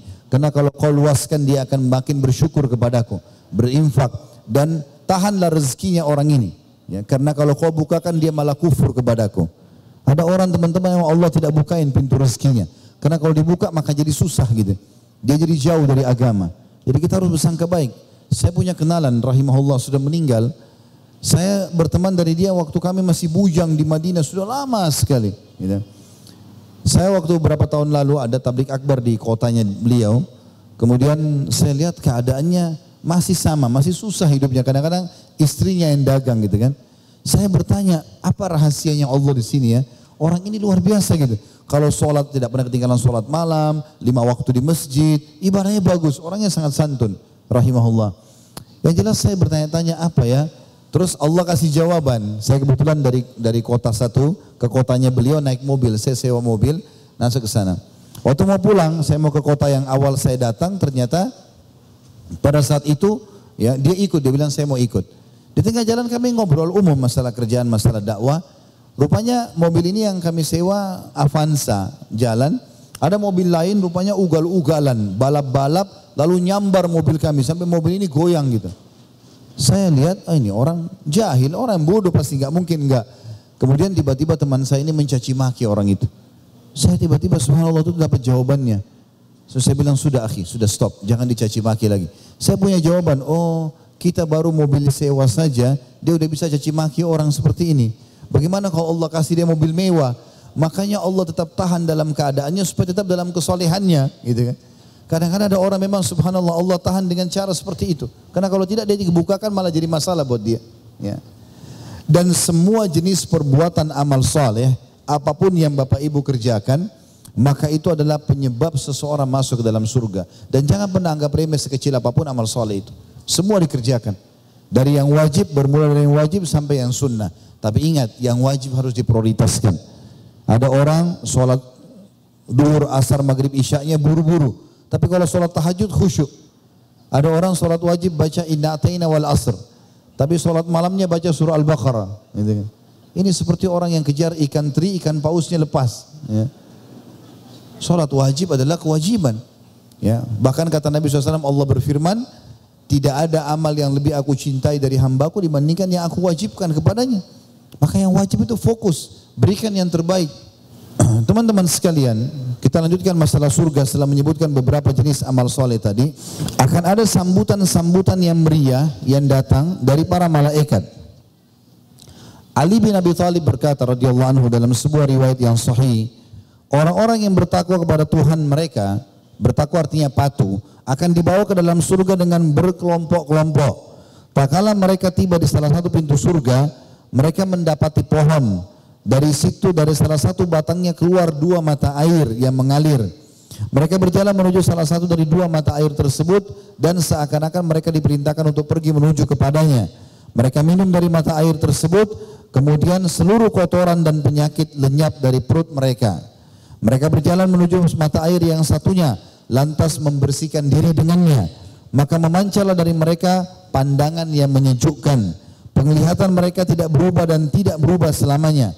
Rambut mereka tidak kusut dan seakan-akan mereka menggunakan minyak. Mereka berhenti di penjaga surga. Penjaga surga akan berkata, salam sejahtera atas kalian. Berbahagialah kalian. Masuklah kalian ke dalam surga dengan kekal abadi.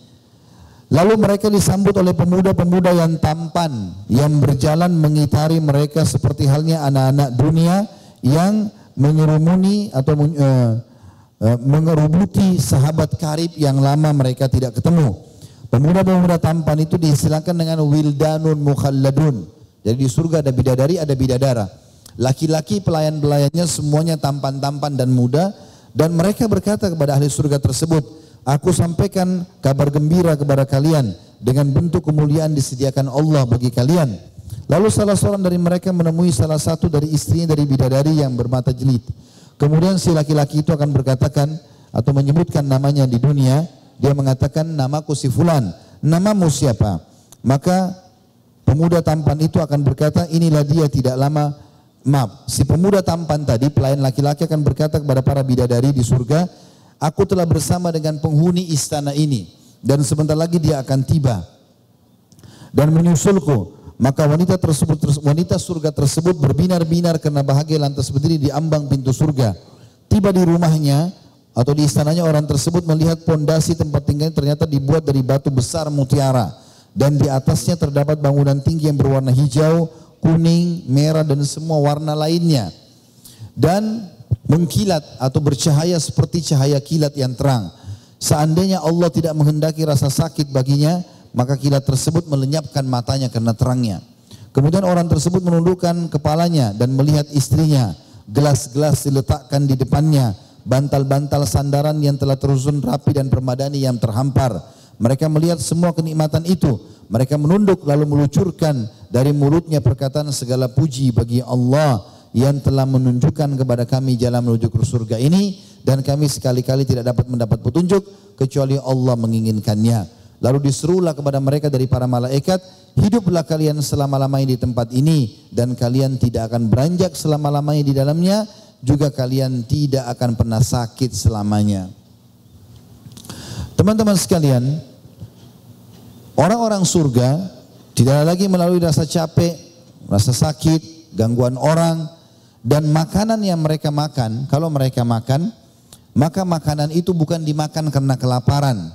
Dan mereka juga menikmati awal makanan sampai akhir makanan kenikmatannya sama. Dalam sebuah hadis sahih dikatakan, kalau seseorang di surga makan makanan dan minum minuman, dia tidak akan berhenti sampai dia sendiri ingin berhenti. Jadi bukan karena lapar, bukan karena kenyang. Orang kalau lapar, makannya buru-buru, ingin menghilangkan laparnya. Kalau dia sudah kenyang, dia akan berhenti. Tapi ahli surga tidak akan berhenti. Maka dia akan berhenti kapan dia inginkan. Dan Allah mengaruniakan orang terendah di surga 10 ribu pelayan. Yang setiap pelayannya itu memegang dua nampan. Berarti ada 20 ribu nampan.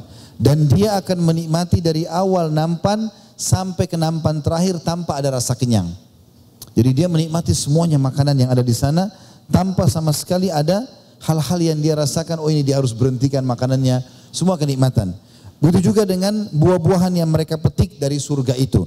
Setiap kali dipetik, maka dia akan keluar lagi. Setiap kali dipetik, maka akan keluar lagi. Maka tidak akan pernah habis buah yang mereka ambil. Ditambah lagi, dalam riwayat yang dikatakan, buah-buah tersebut makin mendekat dengan mereka.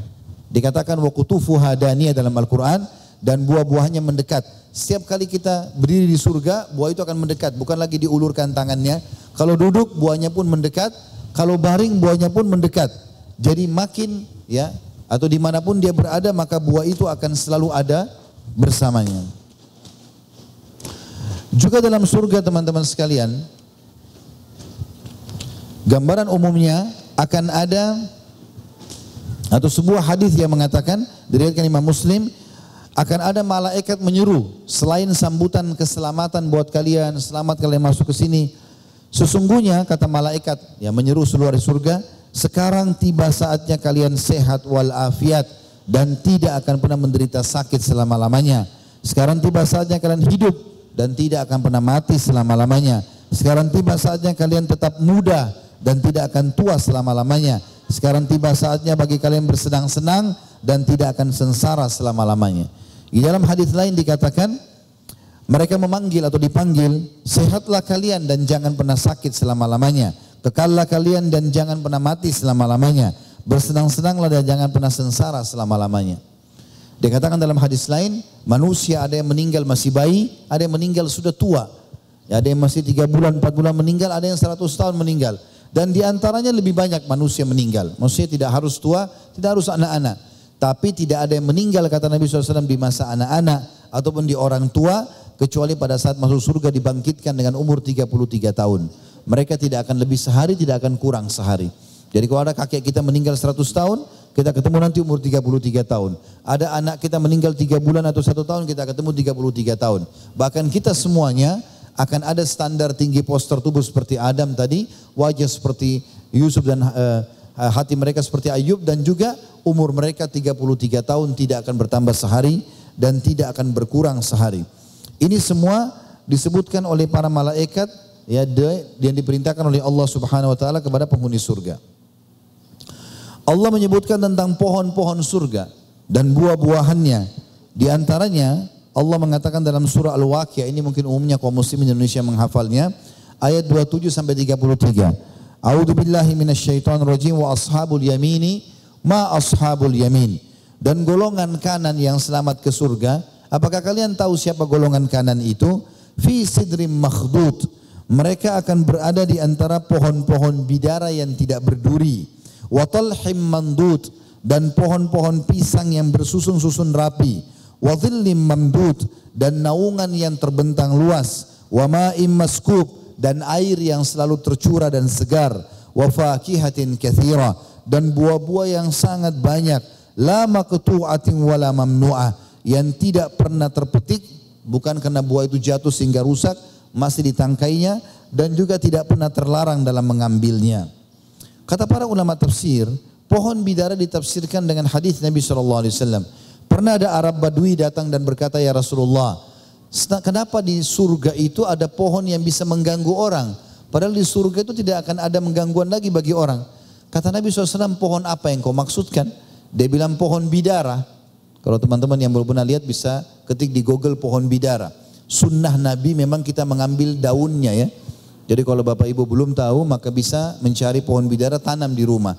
Diambil tujuh lembar daunnya itu diulek atau di blender lalu dikonsumsi diminum atau diusap ke badan kalau ada air direndam di air itu untuk mengobati sihir ya dan gangguan syaitan namanya daun bidara yang jelas di surga ada pohon bidara buahnya seperti apel kalau di Jakarta orang biasa bilang apel India ya maka di surga akan ada pohon bidara orang baru ini bilangnya Rasulullah kenapa di surga, di surga ada pohon yang menyakiti orang karena batangnya pohon bidara banyak duri-durinya kata Nabi SAW ketahuilah Allah mengganti setiap durinya menjadi satu buah.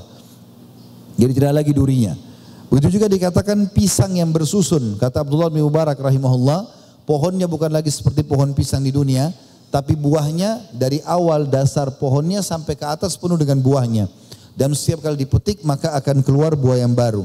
Begitu juga dengan makna dari tafsir dan naungan yang terbentang luas. Dalam hadis yang sahih kata Nabi SAW ada pohon-pohon di surga kalau penunggang kuda dengan kecepatan tinggi dan masih kuat fisiknya, itu berjalan selama 100 tahun, mereka belum bisa melewati naungannya karena luasnya pohon itu.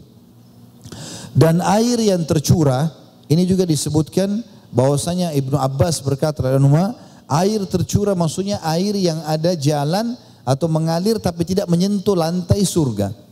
Ya kalau kita lihat sekarang air-air banyak ya kalau air sungai ini itu ternaung di bawah tergenang. Tapi ini air surga tidak. Mereka atau air-air ini jalan di atas naungannya. Dan ahli surga akan mengambil dengan gelas-gelas mereka tanpa tertumpah sedikit pun dari air tersebut.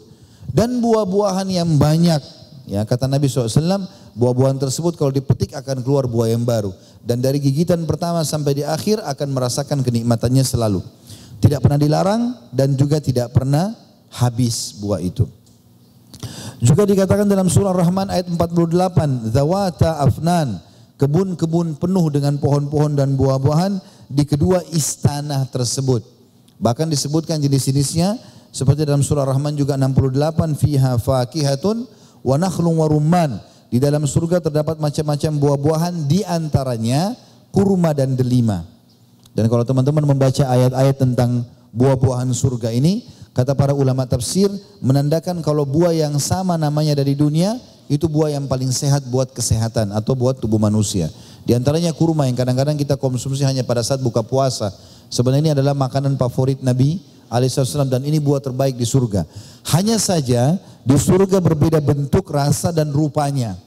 Kata Nabi SAW sesungguhnya buah kurmanya surga besarnya seperti tempayan ya kayak seperti meja yang besar atau tempat makan yang besar lebih lembut dari bui dan lebih putih dari susu juga lebih manis dari madu ini tidak akan mungkin kita cari kurma begini di dunia gitu kan tetapi subhanallah di akhirat ada nama-nama begini supaya beda rasanya seperti itu dijelaskan juga disebutkan Ibnu Qutaibah berkata pohon yang ada di surga ada satu pohon namanya At-Talh dan At-Talh ini adalah pohon penuh dengan buah-buahan dedaunan dari bawah hingga atasnya dan batangnya tidak menyempal. Ya. Artinya pohon-pohonnya itu bukan buahnya kalau ditarik kemudian rusak batangnya tidak. Tapi ditarik maka akan tetap utuh seperti itu. Masruk juga berkata seorang tabiin, dedaunan surga tersusun rapi dari bawah hingga atas. Sungai-sungainya mengalir tanpa melewati aliran sungai tersebut. Artinya air itu akan ada di atas ya. Begitu juga dengan banyak sekali tentang masalah pohon-pohon surga, buah-buahannya. Tetapi yang paling menonjol tadi saya katakan kurma. Di antara Ibnu Abbas berkata, batang kurma di surga adalah batang permata zamrud yang berwarna biru. Jadi kalau batang pohon kita kayak ini di sekitar ruangan ini ada pohon-pohonnya atau batang yang kita tahu dari kulit yang keras, kemudian di dalamnya juga ada batang yang keras dan mungkin kalau kena hujan bisa kotor. Tapi kalau di surga bukan lagi pohon seperti ini, tapi batangnya dari zamrud atau permata yang berwarna biru. Timba surga dari emas yang berwarna merah. Pelapa kurma surga adalah baju ahli surga. Buah-buahan surga adalah seperti anggur, ia lebih putih dari susu, rasanya lebih manis dari madu, lebih lembut dari mentega dan di dalamnya tidak terdapat biji sama sekali. Ya. Jadi semuanya dengan sangat mudah untuk dikonsumsi dan rasanya sangat nyaman. Di surga nanti akan ada orang yang berkata, Ya Allah, aku ingin sekali bercocok tanam. Waktu Nabi SAW sampaikan kepada para sahabat, karena di surga ini semua yang kita inginkan kita bisa dapatkan. Apa yang dia inginkan dia bisa dapatkan. Lalu orang ini mengatakan, Ya Rasulullah, saya suka, uh, kata Nabi SAW akan ada nanti ahli surga, mengatakan, Ya Allah saya ingin bercocok tanam. Kata Allah SWT, bukankah kau sudah dapat semua yang kau inginkan? Dia bilang, iya ya Allah, tapi saya ingin.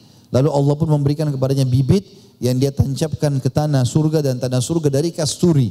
Kata Nabi SAW, bukan lagi tanah kayak kita, Kemudian pohon itu tiba-tiba tumbuh besar dan seperti yang diharapkan berbuah yang langsung dia bisa nikmati. Juga seorang sahabat atau sahabat ini mengatakan atau ada sahabat yang sempat hadir mengatakannya Rasulullah pasti orang yang nanti minta pohon di surga itu dari dari dari orang-orang Ansar. Orang Ansar itu penduduk asli Madinah. Karena mereka penanam-penanam atau pengebun-ngebun kurma gitu kan. Kenapa? Kata Nabi SAW, karena, karena mereka adalah pecocok tanam. Sementara kami orang Arab Badui berada di padang pasir, tidak ada pohonnya ya Rasulullah.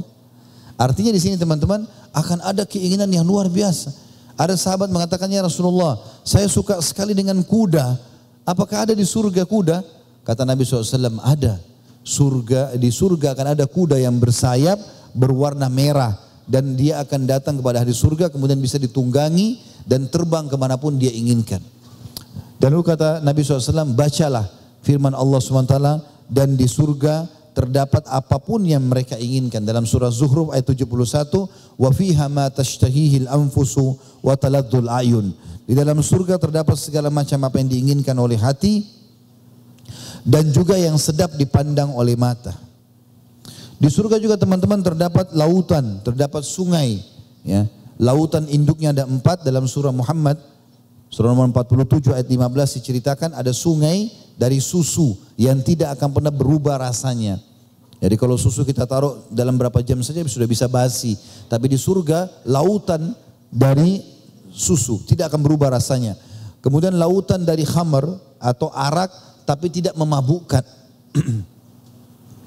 Kemudian ada sungai dari air tawar yang manis dan ada sungai dari madu yang tersaring. Dan darinya lah, ya dari maaf bukan sungai lautan ya, yang darinya lah terpencar mata-mata air uh, jari uh, saluran-saluran menuju ke sungai-sungai surga dan darinya masuk ke istana-istana ahli surga. Jadi surga ada banyak dan dikatakan oleh Allah Subhanahu wa taala dalam firman-Nya yang sudah masyhur, tajri min tahtial anhar dalam Al-Baqarah 25, At-Taubah 100, Al-Araf 47, surga itu mengalir di bawahnya sungai-sungai. Kata para ulama tafsir dari empat induk tadi lautan itu memencarlah sungai-sungai, setiap istana ahli surga ada sungainya sendiri. Ya. Dan subhanallah ini ada kenikmatan tersendiri ya pada saat orang bisa melihat view ke lautan. Mungkin teman-teman di sini kayak saya bisa lihat di sebelah kiri saya ini ada lautan kelihatan. Bahkan biasanya hotel-hotel itu kalau ada view ke air, ke lautan biasanya lebih mahal harga kamarnya. Maka di surga semua ahli surga memiliki eh, sungai sendiri dan tidak diganggu oleh orang lain. Itu akan memencar dari lautan-lautan surga yang disebutkan tadi dalam surah Muhammad. Ahli surga teman-teman bisa memiliki banyak sekali istana. Tergantung dari amal dia. Makin sering dia beramal maka makin banyak istana. Jadi tidak harus punya satu rumah atau istana. Sebagaimana sabda Nabi Shallallahu Alaihi Wasallam, siapa yang membaca Kul huwallahu ahad dalam sehari sepuluh kali, Allah akan bangunkan baginya istana di surga. Kalau Allah ahad ini teman-teman baca sepuluh kali tidak mengambil waktu lima menit. Lagi di mobil, lagi di motor, lagi ibu-ibu belanja, lagi menunggu antrian di lift, atau apa saja, lampu merah, baca kalau Allah ahad. Sepuluh kali punya istana di surga. Artinya kalau Bapak Ibu ulangi sampai seratus kali baca Al-Qur'an dalam sehari, itu bisa punya sepuluh istana di surga. Begitu juga sabda Nabi alaihissalam sampai membangun rumah Allah masjid di muka bumi Allah akan bangunkan baginya istana di surga. Ada sahabat bertanya ya Rasulullah, tidak semua orang mampu bangun istana di surga, tidak semua orang mampu membangun masjid di dunia. Kata Nabi SAW, Allah akan berikan pahala istana ini walaupun orang cuma membangun e, masjid di muka bumi sebesar sarang burung. Artinya kayak ada masjid minta sumbangan misalnya. Ya, ditaruhlah kotak amal di depan pinggir jalan. Lalu kita nyumbang seribu rupiah, dua ribu rupiah, sepuluh ribu rupiah, tergantung berapa kita mampu. Maka uang itu disatukan dengan uang lain lalu dibangunlah tembok-tembok masjid atau apa yang berhubungan dengan fasilitas tersebut. Sudah cukup mendapatkan istana di surga. Dan teman-teman harus tahu, setiap hari buku amal kita ada. Jangan cukupkan dengan amal yang pernah kita lakukan. Contoh, kita lewat masjid ada kotak amal, dia minta sumbangan. Kita sudah nyumbang di hari ini. Besok kita lewat, banyak orang tidak nyumbang lagi dengan alasan kemarin sudah nyumbang. Kemarin sudah dicatat. Hari ini bagaimana? Kita tetap butuh itu. Dan setiap kali kita sumbang, dapat istana satu di surga. Kenapa enggak sumbang? Kalau selama sebulan kotak amal itu setiap hari kita sumbang, kita punya misalnya 30 istana di surga. Sangat mudah gitu ya. Dan kita juga perlu titip beratkan di sini teman-teman. Saya perlu hubungkan juga dengan apa tadi yang saya jelaskan masalah sedekah yang merupakan penyebab masuk surga. Kita harus faham beda fungsi dari zakat dan sedekah. Ini beda fungsi. Bagi Bapak Ibu yang Allah berikan kelebihan rezeki kemudian dia zakat harta setahun sekali, ini zakat teman-teman kewajiban kita. Fungsinya membersihkan harta, itu fungsinya. Diambil dari kata-kata zakat yuzaki, arti pensucian. Ini pensucian. Jadi kalau misalnya kita punya restoran, kita punya apalah usaha, toko baju, butik misalnya, ada orang datang belanja, kita nggak tahu uang ini dari hasil zina, hasil curi kah, kita nggak pernah tahu.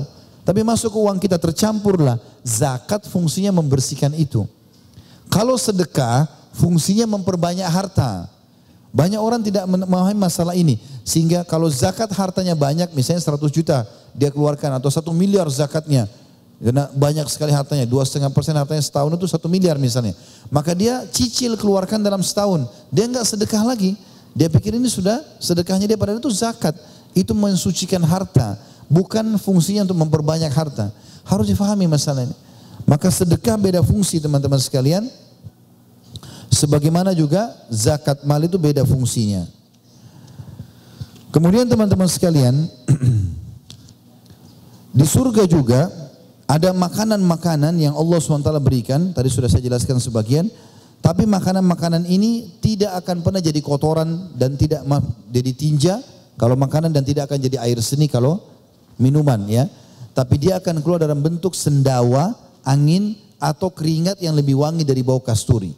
Sebenarnya dijelaskan dalam hadis yang sahih bahwasanya Nabi SAW mengatakan ahli surga akan makan dan minum sepuas-puasnya dengan seenak-enaknya. Mereka tidak akan mengeluarkan ingus dari hidungnya, tidak akan buang air besar, tidak pula buang air kecil makanan mereka akan menjadi serdawa dan yang beraroma, beraroma kasturi. Mereka selalu diilhami bertasbih dan bertakbir sebagaimana kalian diilhamkan bernafas. Ada satu orang Badu, orang Yahudi pernah datang kepada Nabi SAW dan berkata, Wahai Abu Qasim, engkau mengatakan bahwasanya di surga ada makanan dan minuman. Maka Nabi SAW mengatakan benar. Demi jiwa Muhammad, demi zat yang jiwa Muhammad dalam genggamannya atau dalam tangannya. Maksudnya demi Allah.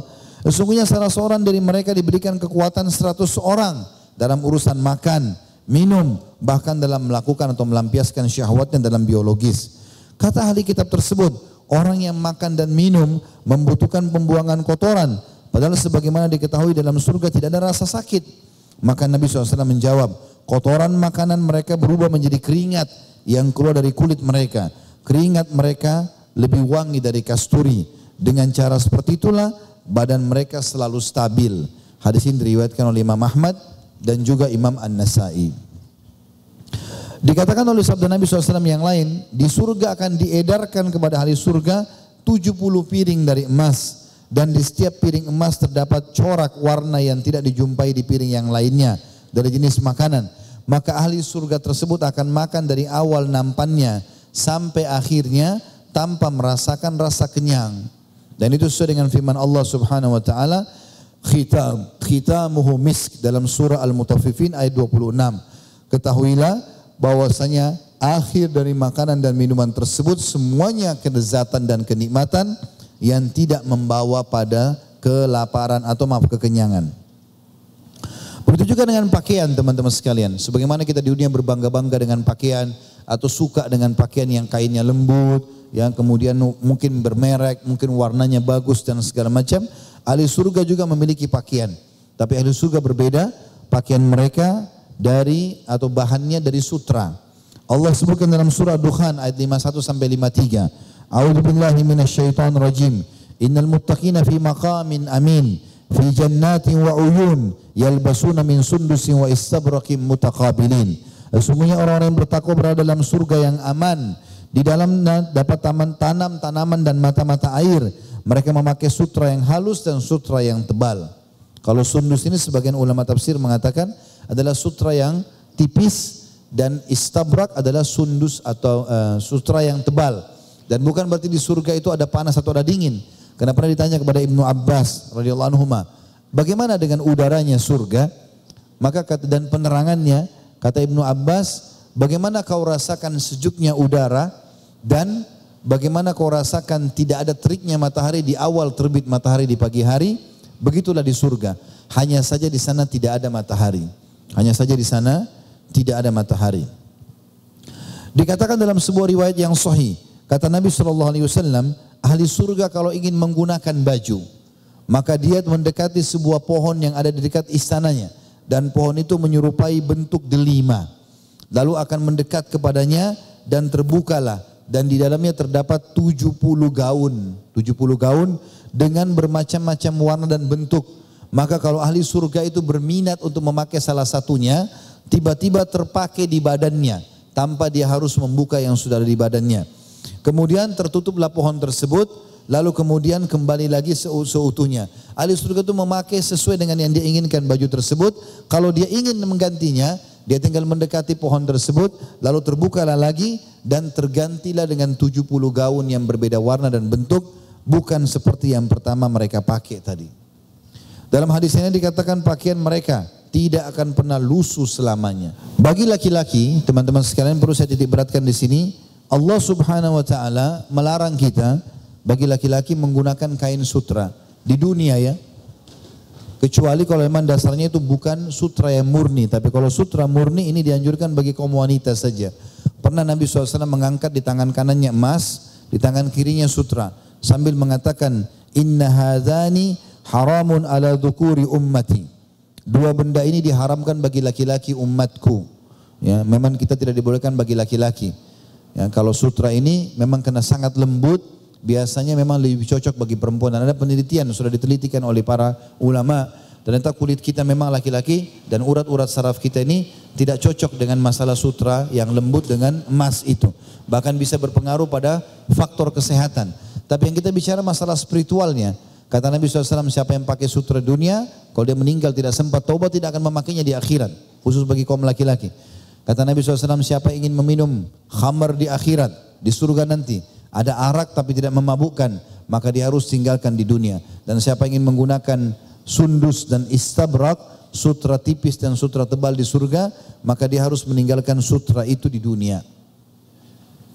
Di dalam hadis yang lain dikatakan oleh Nabi SAW, Barang siapa membaca Al-Quran kemudian sholat pada pertengahan malam dan siang menghalalkan yang dihalalkan Al-Quran dan mengharamkan apa yang diharamkan Al-Quran maka Allah menyampuri dagingnya dan darahnya dengan Al-Quran dan menjadikan untuknya sahabat dari kalangan malaikat yang mulia dan baik-baik.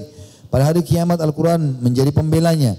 Kata Al-Quran, Tuhanku, setiap orang beramal di dunia berhak atas amalnya di dunia eh, kecuali si fulan yang mengerjakan sholat pada tengah malam dan siang kemudian menghalalkan apa yang aku halalkan dan mengharamkan apa yang aku haramkan, Tuhanku, berilah pembalasan yang simpel kepadanya. Lalu aku menoleh ke mahkota para raja dan mengenakan, lalu Allah menoleh ke mahkota para raja dan mengenakan pada orang tersebut. Lalu Allah berfirman, apakah engkau ridho dengan pemberianku ini? Maka Al-Quran mengatakan, ya aku ridho. Nama aku ingin ia mendapatkan yang lebih baik lagi. Kemudian Allah memberikan lagi dia kerajaan dengan tangan kanannya dan keabadian dengan tangan kirinya. Maka Allah pun berkata pada Al-Quran, apakah engkau ridho? Jawab Al-Quran, iya wahai Tuhanku. Lalu orang tersebut pun diberikan segala macam pakaian-pakaian yang terbaik dari surga, dari sutra yang ada di surga sehingga dia merasa puas dengan apa yang telah diberikan tersebut. Juga teman-teman sekalian di surga ada kasur-kasur atau ranjang-ranjang yang mewah dan kasur-kasur ini disebutkan dalam Al-Quran terbuat juga dari sutra. Allah berfirman dalam surah Ar-Rahman ayat 54, A'udzu billahi minasyaitonir rajim muttaqiina ala furushim batainuha min istabrak. Mereka bertelekan di atas dipan-dipan dan permadani yang sebelah dalamnya terbuat dari sutra. Kata Abdullah bin Abbas radhiyallahu anhu, kalau kalian sudah diberitakan bagian dalamnya, yang biasanya orang kalau bagian dalam permadani atau dalam bagian dalam bantal, ditaruh benda-benda atau sesuatu yang lembut mungkin dari kapuk atau kapas yang mungkin tidak harus bagus bentuknya. Yang penting bagian luarnya bagus, tapi di surga berbeda. Kata Abdullah bin Abbas, kalian sudah disampaikan tentang bagian dalamnya sutra, maka bagaimana dengan bagian luarnya? Di dalam sebuah hadis yang sahih dikatakan, Permadani-permadani yang disiapkan oleh Allah Subhanahu wa taala adalah permadani yang luasnya seluas pandangan mata dan tebalnya bisa antara langit dan bumi. Allah mengatakan dalam surah Rahman ayat 76, muttaqiina ala rafrafin khudrin wa abqariyin hisan. Mereka bertelekan pada bantal-bantal hijau dan permadani-permadani yang indah. Ya subhanallah saya kemarin sempat waktu umrah uh, ke Turki saya diajak mengunjungi salah satu uh, pembuatan karpet. Saya tadinya berpikir karpet itu biasa aja, mungkin perbedaannya juga tidak terlalu banyak gitu ya. Tapi ternyata berbeda dengan apa yang saya sangka. Di situ ada karpet bahkan sampai miliaran harganya. Saya sempat tanya, kenapa karpet ini bedanya apa? Dia bilang ini kena buatan handmade, buatan tangan dan juga ini bahan-bahan dari sutra. Lalu masuklah ke dalam ruangan diperlihatkan bagaimana sutra itu diambil, bagaimana ditenun, bagaimana dijadikan sebagai bahan ini dan bagaimana itu bisa bertahan sampai sekian ratus tahun. Bahkan bahasa dia ini bertahannya warnanya dan bentuknya ketebalannya tidak akan berubah sampai sekian ratus tahun. Maka saya tiba-tiba berpikir, subhanallah, Allah sebutkan tentang di surga ada permadani yang terhampar dan bahan-bahan dalamnya dari sutra, Manusia sudah Allah tunjukkan di dunia. Kalau ternyata dari sutra itu kalau dibuat penandanya adalah bahan yang terbaik, bisa tahan sekian ratus tahun, tidak berubah ketebalan dan juga warna coraknya. Bahkan dengan sutra, maka bisa diubah warna karpet tersebut. Kalau ditarik dengan tangan saja, ditarik ke satu arah maka warnanya berubah menjadi biru. Kalau ditarik dari lawan arahnya berubah menjadi hijau dan seterusnya. Dan sekian banyak contoh-contoh yang berhubungan dengan masalah itu. Tapi yang jelas Allah SWT akan hamparkan permadani-permadani, bantal-bantal, dipan-dipan, ya ranjang-ranjang. Disebutkan dengan banyak ayat Quran tentang masalah itu. Bahkan sesuatu yang kadang-kadang subhanallah sulit untuk digambarkan. Dalam hadis Bukhari Muslim dikatakan, sesungguhnya bagi seorang mukmin di surga disiapkan kema atau istana di satu di satu, eh, dari satu mutiara lu'lu yang berongga jadi bukan lagi dari batu, semen, tapi dari mutiara semuanya. Tingginya 60 mil. Di dalamnya terdapat keluarganya atau istrinya dan orang beriman berjalan mengelilingi mereka. Sebagian mereka tidak bisa melihat sebagian yang lainnya. Di dalam surga dalam hadis yang dikatakan terdapat kemah-kemah. Jadi selain istana ada lagi kemah-kemah diletakkan di taman-taman surga terbuat dari lu'lu' yang berlubang atau mutiara yang berlubang. Lebarnya 60 mil. Di setiap sudutnya terdapat keluarganya. Mereka tidak melihat orang lain selain suaminya dan orang yang beriman menggilir mereka. Nah. Begitu juga disebutkan dalam surah At-Tur ayat 20, A'udzu billahi minasyaitonir rajim muttaqiina ala sururin masfufa wa zawwajnahum bihurin in. Mereka bertelekan di atas ranjang-ranjang yang berderetan. Kata ulama tafsir, setiap sudut ruangan ada ranjangnya. Dan ranjang ini dikatakan masfufa, makna lain masfufa adalah ranjang-ranjang yang mewah, yang setiap melihatnya merasa tertarik untuk istirahat di atasnya. Dan kami kawinkan atau nikahkan mereka dengan bidadari-bidadari yang cantik dan bermata jelita. Kata para ulama tafsir juga, Allah hubungkan antara surim masfufa, ranjang yang nyaman untuk dilihat dan tertarik untuk istirahat dan dengan bidadari menandakan ranjang itu disiapkan dengan adanya wanita yang baik dan juga menjadi pasangan halalnya di surga.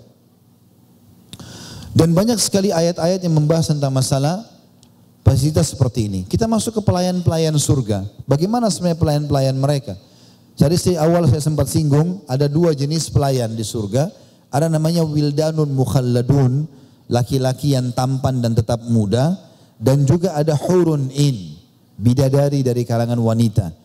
Kalau pelayan-pelayan laki-lakinya disebutkan dalam surah Al-Waqi ayat 17 sampai ayat 18. A'udzu billahi minasyaitonir rajim yatufu alaihim wildanun mukhalladun bi akwabin wa abarika wa ka'sim min ma'in. Mereka dikelilingi dengan anak-anak muda yang tetap muda dan membawa gelas-gelas, ceret dan juga seloki atau piala berisi minuman yang diambil dari air yang mengalir. Saksi bahasan kita kalimat wildanum mukhalladun, anak-anak muda yang membawa ya, ceret-ceret tadi untuk memberikan minuman kepada ahli surga. Dalam surah Insan ayat 19 juga Allah berfirman, A'udzu billahi minasyaitonir rajim wa yatufu alaihim wildanun mukhalladun idza ra'aitum hasibtum lu'lu'an mansura. Dan mereka akan dikelilingi oleh pelayan-pelayan laki-laki yang tampan-tampan dan juga mereka tetap muda. Apabila kalian melihat nanti ke pelayan-pelayan tersebut kata Allah, kalian akan melihat mereka seperti mutiara yang bertaburan.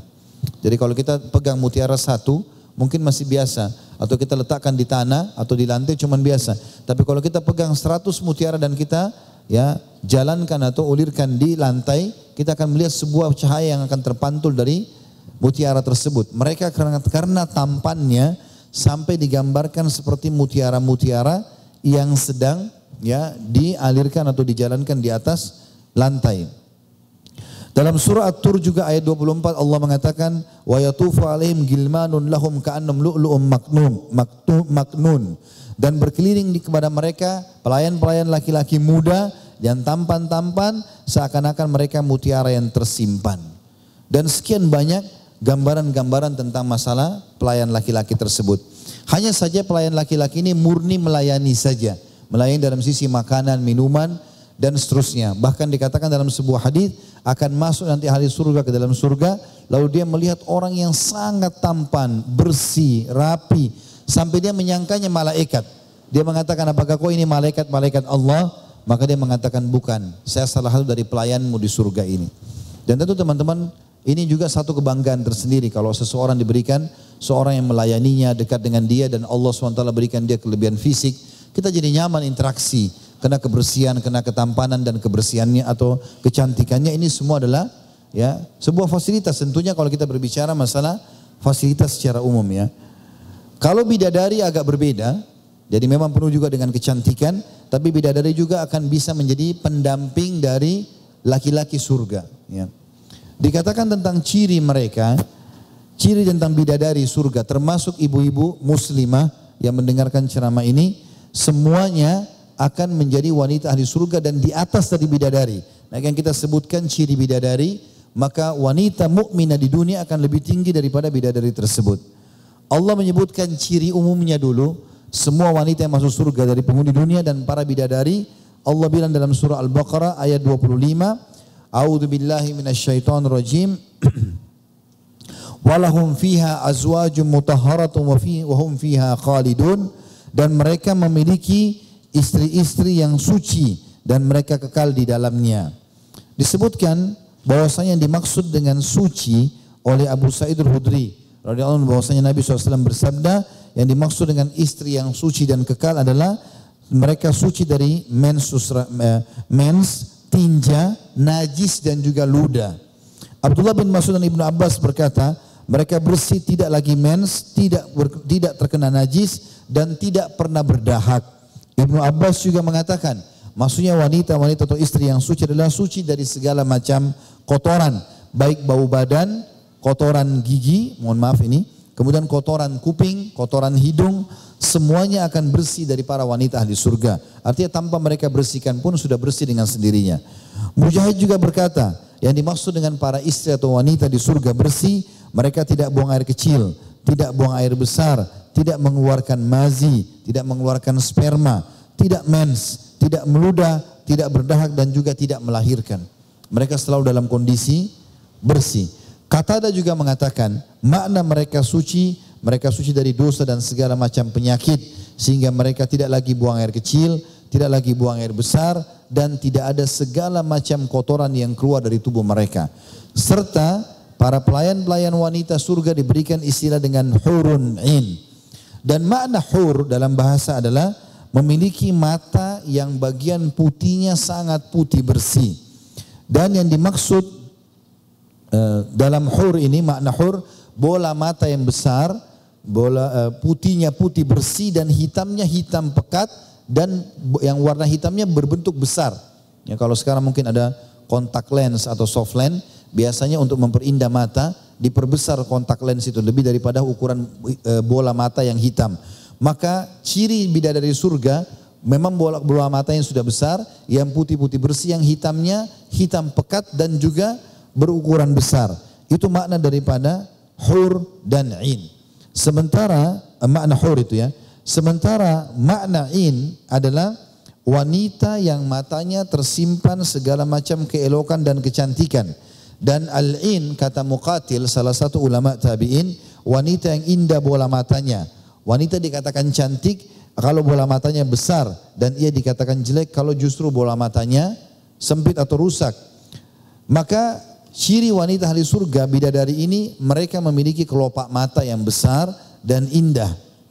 Begitu juga disebutkan dalam surah Ar-Rahman ayat 56 sampai 58 mereka sangat sopan, santun, mereka sangat lembut dan mereka selalu bersama dengan suami mereka saja. Dalam Ar-Rahman 5658, A'udzu billahi minasyaitonir rajim fihinna qasiratut tarfi lam yatmithunna insun qablahum wala jan fa bi ayyi ala'i rabbikuma tukadziban ka'annahunna liyaqut wal marjan. Di dalam surga itu ada bidadari-bidadari yang sopan. Mereka menundukkan pandangan mereka dari yang dilarang. Maksudnya mereka tidak lagi melihat laki-laki lain tidak pernah disentuh oleh manusia sebelum mereka dan tidak pernah juga disentuh oleh jin. Maka nikmat Tuhanmu yang manakah yang kau pungkiri? Seakan-akan bidadari-bidadari itu adalah permata yakut dan marjan. Kata Nabi SAW dalam sebuah hadis, Allah menciptakan para bidadari ini secara langsung. Tidak melalui lagi proses biologis seperti manusia kita. Dari langsung Allah ciptakan sehingga mereka sempurna dan tidak ada lagi kekurangan seperti dimiliki oleh manusia secara umum. Juga disebutkan dalam surah Safat ayat 48, wa indahum qasiratut tarfi'in dan mereka di sisi di surga nanti akan memiliki para bidadari-bidadari yang sopan yang menundukkan pandangan mereka dan mata mereka sangat jeli atau jelita, maaf, mata mereka sangat jelita. Juga disebutkan umur mereka sebaya, baik wildan tadi, pelayan laki-laki dan juga perempuan. Mereka sebaya, mereka tidak akan pernah tua dan tidak akan muda atau kekanak-kanakan tapi mereka akan selalu sebaya. Dalam surah Sot ayat 52, artinya tidak akan pernah lagi tua dari sisi mereka wa indahum qasiratu tarfi wa indahum qasiratu tarfi atrab dan mereka di sisi mereka ada bidadari-bidadari yang menundukkan pandangan dan sebaya umurnya. Ciri-ciri bidadari ini mereka akan dipingit di kemah-kemah. Bidadari tidak akan keluar dari istananya. Sebagaimana penghuni wanita surga juga akan masuk ke istana mereka dan mereka tidak akan keluar lagi selama-lamanya. Karena istana itu sangat luas, fasilitasnya semuanya ada. Dan makna dipingit adalah mereka tidak akan pernah dilihat dan disentuh oleh orang lain kecuali suami mereka. Dalam surah Rahman ayat 72 Allah mengatakan hurum maksuratun fil khiyam. Bidadari-bidadari yang jelita, putih bersih dipingit dalam kemah.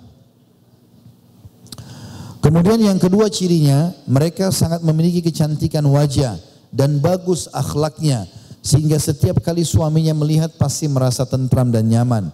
Allah mengatakan dalam Ar-Rahman ayat 70, "Fihinna khairatun hisan." Di dalam surga itu terdapat bidadari-bidadari yang baik lagi cantik-cantik. Yang ketiga, mereka selalu perawan, penuh rasa cinta dan selalu sebaya. Jadi setiap kali maaf ini memang begitu dalam bahasa para ulama menafsirkan Al-Waqiah 3538 setiap kali digauli oleh istrinya mereka akan kembali perawan. Terus begitu tidak akan pernah hilang atau berhenti. Allah menyebutkan dalam Al-Waqiah 35 sampai 38 A'udzu billahi minasyaitonir rajim inna ansha'nahunna insya'a faj'alnahunna abkara uruban atraba li ashabil yamin Sesungguhnya kami ciptakan mereka para bidadari secara langsung dan kami jadikan mereka gadis-gadis perawan selamanya. Penuh dengan cinta lagi sebaya umurnya. Kami ciptakan mereka untuk orang-orang golongan kanan atau ahli surga. Juga di antara ciri bidadari adalah badan-badan mereka berisi. Mohon maaf saya bahasakan ini karena memang begitu dalam ayat. Ya, dikatakan dalam surah An-Naba ayat 31 sampai 33, A'udzubillahi minasyaitonir rajim, innalil muttaqina mafaza, hadaika wa anaba wa qawaiba atraba. Kalau Bapak Ibu baca tafsir ini nanti bisa semakna dengan itu. Sesungguhnya orang-orang yang bertakwa mendapatkan kemenangan, yaitu kebun-kebun dan buah anggur dan gadis-gadis remaja yang sebaya. Dan makna wa qawaiba atraba kata sebagian ulama di antaranya adalah e, disebutkan Al-Kalbi mengatakan mereka wanita-wanita yang memiliki badan yang berisi dan mohon maaf ini memiliki payudara yang sempurna.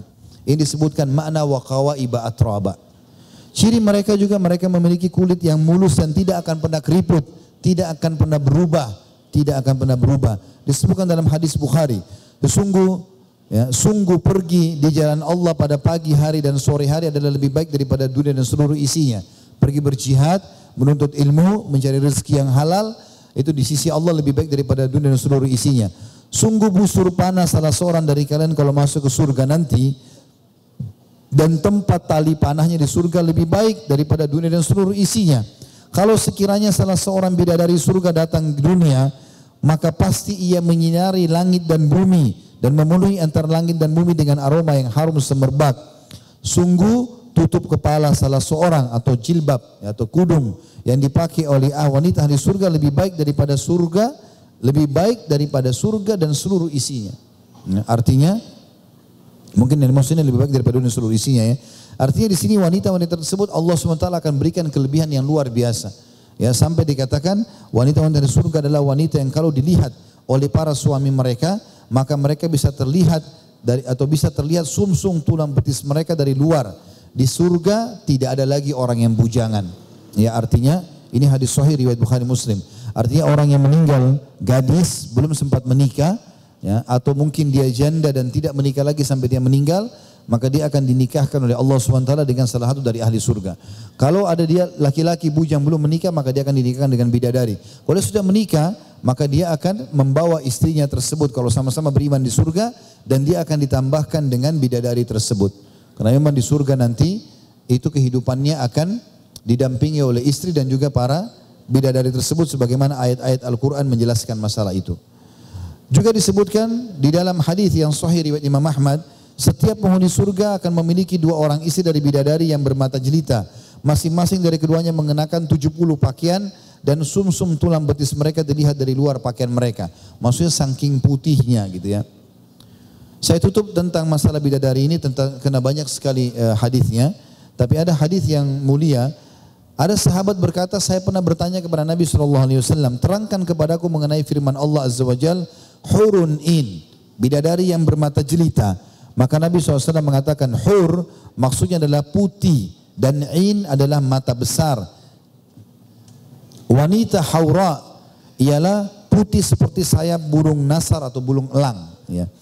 Akan tetapi jadi kalau sayap burung elang ada putih dan juga ada hitamnya. Mata mereka lebar besar putihnya putih bersih, hitamnya hitam pekat. Lalu aku bertanya, wahai Rasulullah, terangkan kepadaku yang dimaksud dengan firman Allah seakan-akan mereka adalah permata-permata yang tersimpan dengan baik. Maka Nabi SAW mengatakan, warna putih kulit mereka seperti warna putih mutiara yang ada dalam kerang yang tidak pernah disentuh oleh tangan siapa pun. Lalu aku bertanya lagi, wahai Rasulullah, terangkan kepadaku tentang maksud firman Allah, di dalam surga itu terdapat bidadari-bidadari yang baik-baik, lagi cantik-cantik maka kata Nabi SAW mereka adalah wanita-wanita mulia akhlaknya dan cantik rupanya. Lalu aku bertanya wahai Rasulullah, terangkan kepadaku firman Allah SWT seakan-akan mereka adalah telur yang tersimpan dengan baik. Ini ciri bidadari juga. Maka Nabi SAW mengatakan kelembutan mereka dan ketepisan kulit mereka mirip dengan kelembutan dan ketepisan kulit yang engkau lihat pada kulit dalam telur. Jadi kalau kulit telur kita lepaskan, ada kulit lagi halus di dalamnya. Maka kulit-kulit mereka seperti itu. Aku berkata, wahai Rasulullah, terangkan kepadaku tentang firman Allah, urban atraba. Apa yang dimaksud dengan urban atraba? atau mereka sebaya. Kata Nabi SAW mereka wanita-wanita yang tertahan di dunia dalam keadaan tua renta. Penglihatannya kabur dan kotor bulu alisnya. Setelah itu Allah menciptakan mereka dalam keadaan perawan-perawan muda. Uruban berarti selalu rindu dan cinta kepada suaminya. Atraba adalah sepantaran. Jadi kalau ada orang meninggal tua pun Allah SWT kembalikan menjadi muda. Dan semua uruban atraba, wanita ahli surga, lebih baik daripada para bidadari tersebut. Ya, jadi pemimpin mereka. Lalu orang ini berkata, wahai Rasulullah, manakah yang lebih baik antara wanita dunia dan bidadari-bidadari yang bermata jelita? Maka kata Nabi SAW, wanita-wanita dunia lebih baik ketimbang bidadari-bidadari yang bermata jelita sebagaimana bagian luar itu lebih baik daripada bagian dalam. Aku berkata wahai Rasulullah, apa yang menyebabkan wanita-wanita dunia lebih baik ketimbang bidadari-bidadari yang bermata jelita? Maka Nabi SAW mengatakan yang membuat wanita-wanita dunia lebih baik ketimbang bidadari-bidadari yang bermata jelita adalah solatnya, puasanya, dan ibadahnya kepada Allah Ta'ala. Allah memberikan cahaya yang bersinar pada raut muka mereka dan mengenakan pakaian sutra pada badan mereka. Warna kulit mereka adalah putih, pakaian mereka berwarna hijau, perhiasan mereka berwarna kuning, pedupaan mereka adalah mutiara, sisir mereka adalah emas. Mereka berkata, kami hidup terus dan tidak akan pernah mati. Kami senang selama-lamanya dan tidak akan pernah menderita lagi. Kami berada di surga ini selama-lamanya dan tidak akan pindah darinya. Kami selalu ridho dan tidak cemberut selama-lamanya. Berbahagialah bagi siapa saja yang memiliki kami dan ia memiliki kami. Maka aku berkata lagi wahai Rasulullah, ada di antara wanita dari kalangan kami yang menikah dua atau tiga kali. Misal cerai sama suaminya nikah lagi.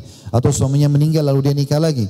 Jika ia meninggal dunia, kemudian masuk surga, termasuk suami-suami suami-suaminya, maka siapa yang menjadi suaminya di surga nanti? Maka Nabi SAW menjawab, wahai Ummu Salamah, ia diberi, Ummu Salamah ini maksud istri Nabi ya, ia diberi kebebasan memilih mana di antara suaminya yang paling baik akhlaknya.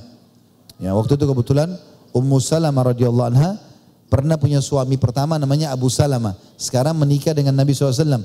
Dia ingin bersama Nabi di surga. Maka dia mengatakannya Rasulullah, kira-kira di surga nanti kalau wanita menikah dengan dua orang laki-laki, karena Abu Salamah sudah meninggal, akan bersama-sama siapa di surga? Kata Nabi SAW dengan yang paling baik akhlaknya. Maka tersenyumlah Ummu Salamah Lalu mengatakan, ya Tuhanku, jika suamiku yang ini adalah suamiku yang paling tampan di dunia, maka nikahkan aku dengannya. Maka umu, wahai Ummu Salamah, ketampanan wajah musnah dengan kebaikan dunia dan akhirat. Maksudnya Ummu Salamah gembira karena Nabi SAW yang akan menjadi pendampingnya nanti di surga.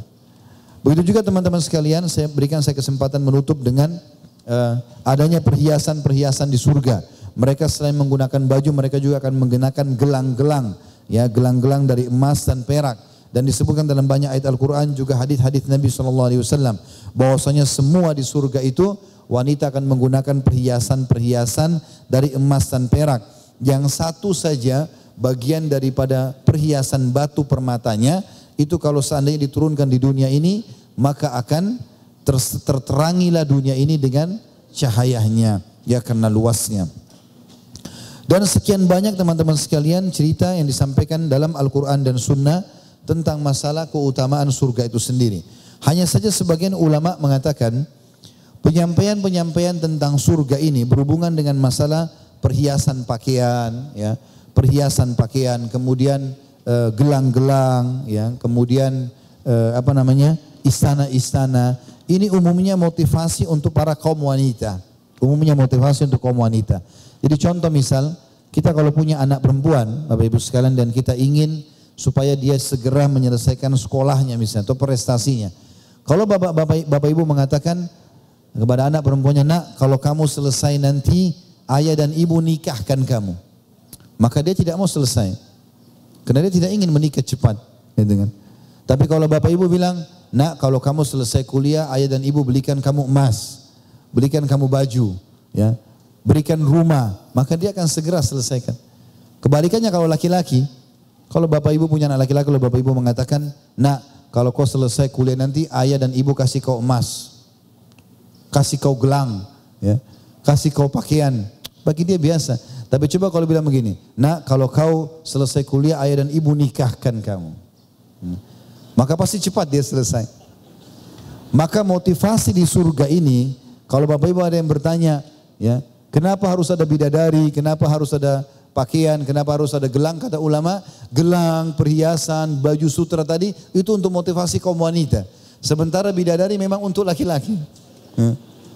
Karena begitu dibilang bidadari, mereka segera mau mati, gitu kan.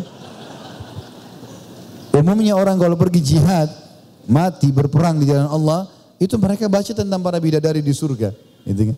Dan ini memang terjadi di zaman Nabi SAW.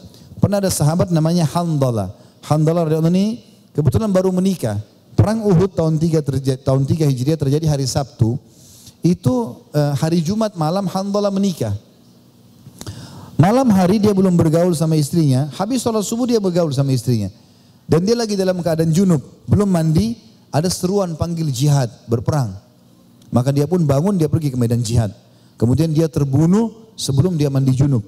Karena panggilan jihad di sini dipanggil langsung. Wajib. Dia harus ikut. Maka Nabi SAW waktu susun jenazah para syuhada Uhud, beliau pada saat lihat jenazahnya Handalah, beliau alihkan pandangan matanya. Lalu kata para sahabat, ya Rasulullah, ada apa dengan Handalah ini? Nabi biasanya lihat syuhada senyum. Kok ini Nabi alihkan pandangan? Kata Nabi SAW, aku diperlihatkan oleh Allah istrinya dari bidadari, datang menyambutnya. Ya. Dan ini teman-teman saya izinkan saya menyampaikan kisah penutupnya, nanti kita baca pertanyaan setelah ini. Kalau ini kebetulan salah satu tabi'in suka motivasi orang untuk berjihad dan berperang, gitu kan. Maka dia selalu pulang ke kampungnya, ke negerinya, motivasi orang anak muda dibawa lagi medan jihad. Begitu terus. Satu waktu pernah dia pulang ke rumahnya, ke, ke kampungnya, ke kotanya, kemudian dia motivasi anak-anak muda untuk berjihad, ibu-ibunya dimotivasi untuk berinfak, lalu mengikhlaskan suaminya sama anak-anaknya berjihad, karena sekarang lagi dibutuhkan untuk berperang di jalan Allah gitu. Setelah selesai dia ceramah, orang banyak terbakar semangatnya, dia pulang ke rumah, Tiba-tiba waktu dia mau istirahat malam ada suara dari depan pintu. Ada suara perempuan mengatakan, wahai Kutaiba, wahai Kutaiba. Dia dengar suara perempuan. Dia bilang, kenapa ada suara perempuan panggil saya? Kebetulan dia tidak ada istrinya, Kutaiba tidak ada istrinya. Maka dia pun mengatakan, dia saya keluar, saya takut fitnah. Begitu saya buka ada wanita bercadar.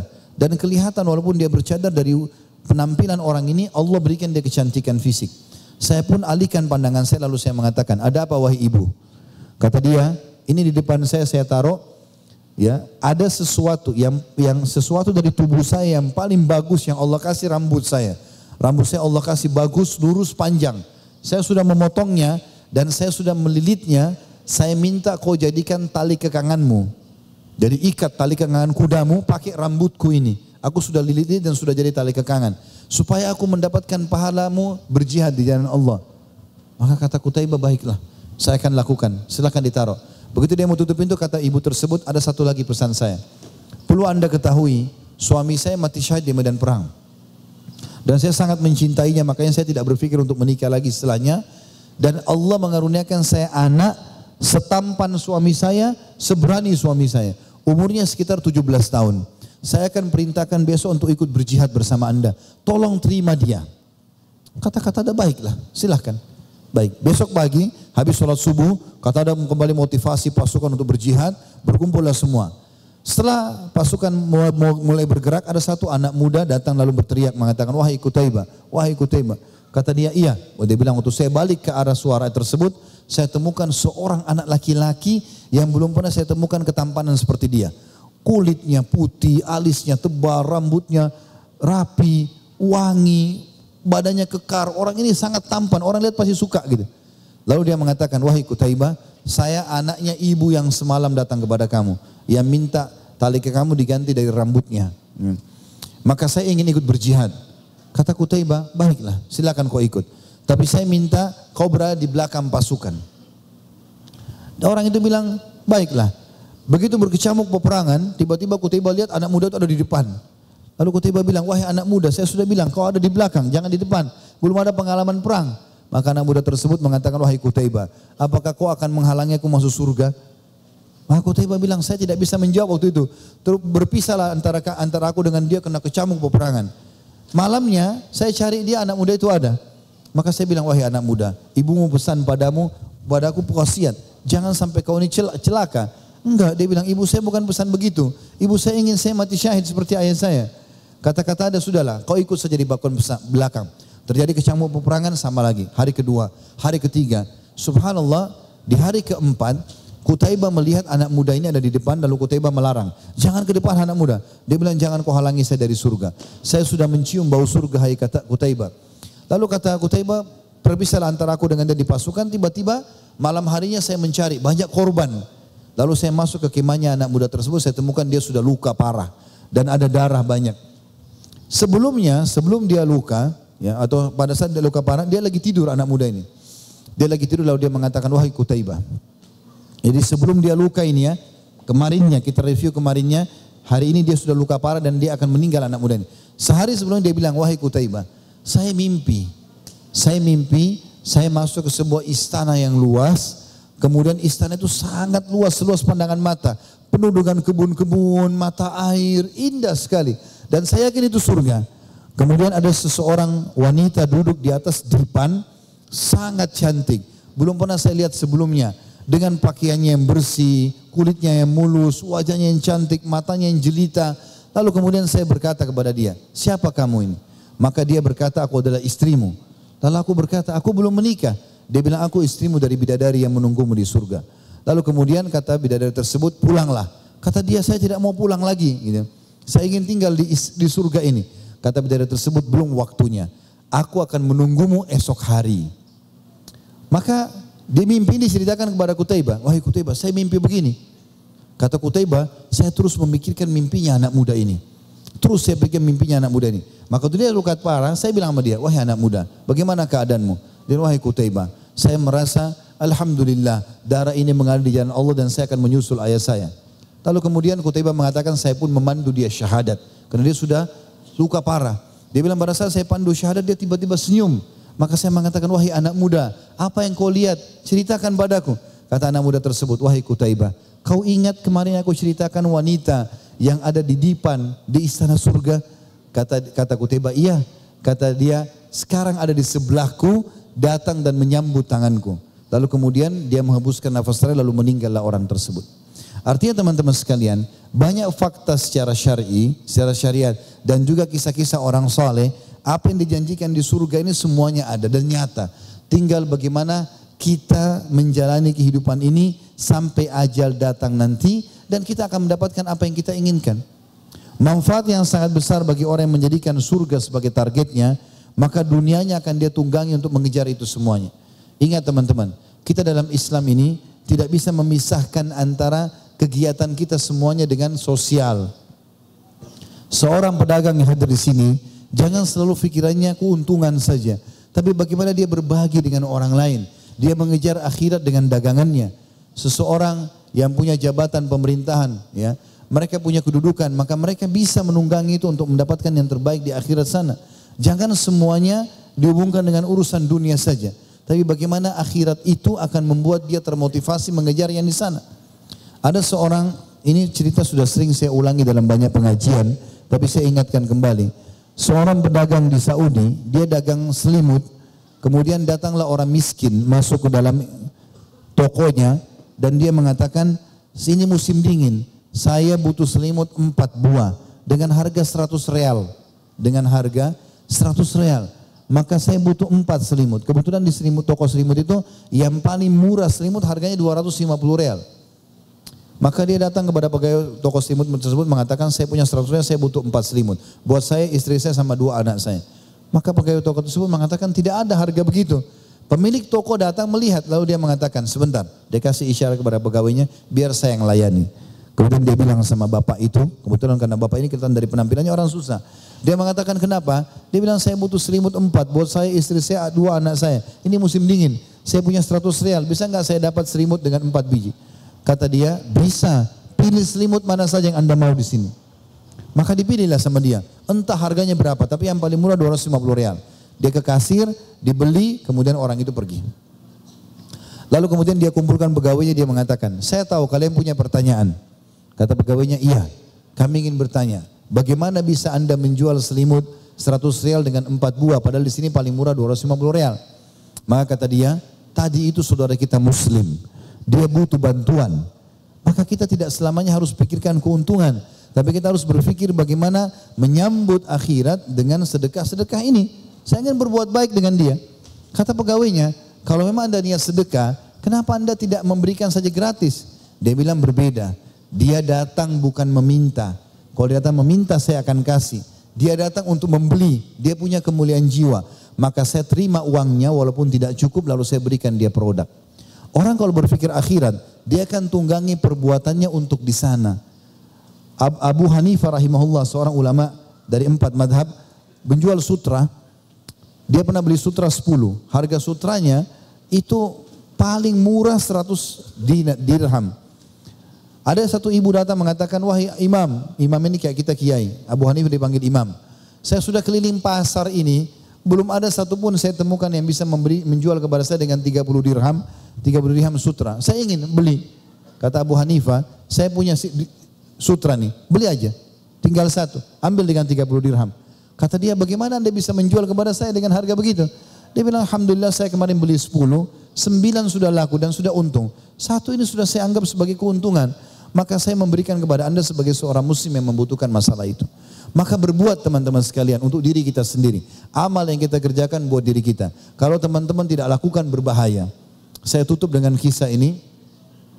Ada kejadian orang Saudi kaya raya.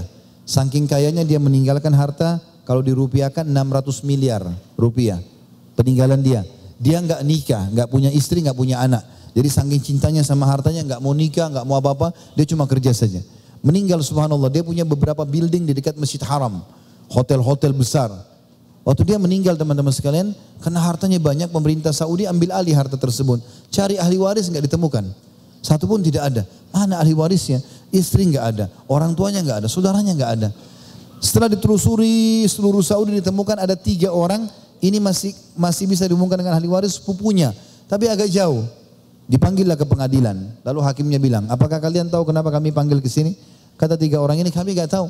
Kami nggak pernah juga buat masalah. Kata hakimnya, kalian kenal nggak si Fulan? Namanya orang kaya ini. Mereka bilang, oh iya kami kenal.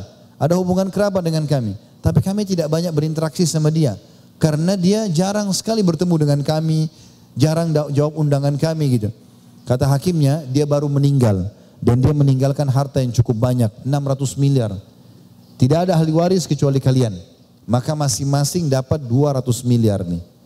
Ini spontan, ini kaya raya tiba-tiba dapat semua. Ini tadinya orang-orang miskin. Setelah semua tanda tangan ini dikasih harta itu, maka hakimnya bilang kalimat, ini yang kita mau titik beratkan ya, wasiat ini penting. Kata hakimnya, saya lihat kalian sudah jadi kaya raya sekarang, masing-masing dapat 200 miliar kaya raya. Baik, bagaimana kalau kalian semuanya masing-masing tiga orang ini bersedekah untuk mayit, pemilik harta. Masing-masing keluarkan satu miliar saja ya 400 ribu real keluarkan, kita bangunkan masjid buat si mayit. Sebagai sedekah. Apa jawaban teman-teman tiga orang ini? Yang pertama bilang, saya punya utang banyak. Maka saya mau lunasi utang-utang saya. Walaupun utangnya banyak gak mungkin sebanyak itu ya, tapi dia gak mau kasih, pelit. Padahal ini uangnya orang itu. Yang kedua bilang, saya udah lama hidup susah. Sekarang saya mau perbaiki hidup saya, sudah saya gak mau kasih. Terus yang ketiga, bilang juga kalimat tidak kalah buruknya dengan itu ya. Tapi ini ada pelajaran. Dia bilang, wahai hakim, saya juga sama dengan dua sepupu saya, tidak mau kasih. Kenapa? Kami, karena saya mau mengatakan sesuatu.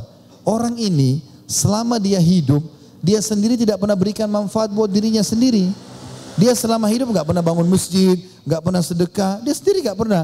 Bagaimana kami bisa memberikan manfaat orang, orang yang tidak pernah berikan manfaat buat dirinya sendiri? Lalu tiga-tiganya keluar tidak menginfakkan satu real pun. Apa maksudnya teman-teman sekalian? Jangan tunggu nanti kita apa namanya meninggal dunia lalu berharap ahli waris kita yang bersedekah atau berbuat amal soleh. Jangan. Kita yang melakukan. Karena kalau kita luasa sekarang mengamalkan.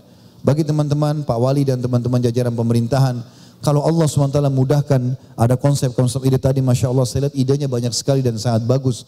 Dan itu sangat baik, itu bisa jadi amal jariah. Maksimalkan waktu selama menjabat untuk mendapatkan amal jariah karena kita semua menuju ke akhirat. Mungkin dengan tanda tangan, mungkin dengan mengajukan sebuah program lalu disetujui. Mungkin kami masyarakat biasa, kalau ingin bangun masjid harus galang dana sekian banyak. Tapi kalau program pemerintah tinggal tanda tangan di ACC maka bisa bangun. Teman-teman pedagang, bersedekahlah. Jangan selalu pikir keuntungan saja. Semua orang-orang yang sedang memberi, diberikan amanah oleh Allah SWT melakukan kebaikan, kejar kebaikan. Di istri, di suami, di anak, di orang tua, ada pintu-pintu surga. Berbuat baik dengan mereka adalah pahala. Bagi para suami kata Nabi SAW, sedekah itu bahkan yang kau masukkan ke dalam mulut istrimu. Begitu juga orang tua dengan anak, anak dengan orang tua dan seterusnya, teman dengan temannya. Jadikan target teman-teman semua yang di sekitar kita ini adalah penyebab kita menambah amal kita di akhirat. Jadi bukan selalu berpikir manfaat apa yang saya bisa ambil dari dia. Sehingga kalau tidak ada manfaat maka tidak berteman lagi. Allahu alam. Baik, itu bahasan kita. Semoga Allah SWT berikan berkah dan tolong dimaafkan kalau ada yang kurang. Semoga saja Allah Subhanahu wa taala membalas Pak Wali dan jajarannya serta semua yang menjadi penyebab dari acara ini dan semoga apa yang kita bahas hari ini bermanfaat buat kita semua dan kita berdoa kepada Allah SWT semoga seluruh amal yang pernah kita kerjakan yang sedang kita kerjakan dan akan kita kerjakan nanti sampai menjelang ajal nanti diterima dengan pahala yang sempurna. Dan semoga seluruh dosa yang pernah kita kerjakan sengaja tidak sengaja besar ataupun kecil samar ataupun nyata diganti oleh Allah SWT menjadi pahala. Dan semoga Allah Subhanahu wa menjadikan negara kita Indonesia dan seluruh kota-kotanya, provinsinya semuanya makmur, tentram dan semoga utang negara kita dilunasi oleh Allah Subhanahu wa taala. Dikaruniai pemimpin yang adil, yang baik, yang beriman kepada Allah SWT yang menjadikan akhirat sebagai targetnya. Dan semoga seluruh masyarakat mendapatkan hak-haknya. Rabbana atina fid dunya hasanah wa fil akhirati hasanah wa qina adzaban nar wa adkhilnal jannata ma'al abrar. Ya aziz wa ghafur rahim sallallahu nabiyina Muhammadin wa akhiru da'wana alhamdulillahi rabbil alamin. Subhanakallahumma bihamdika asyhadu an la ilaha illa anta astaghfiruka wa atubu ilaik Wassalamualaikum warahmatullahi wabarakatuh.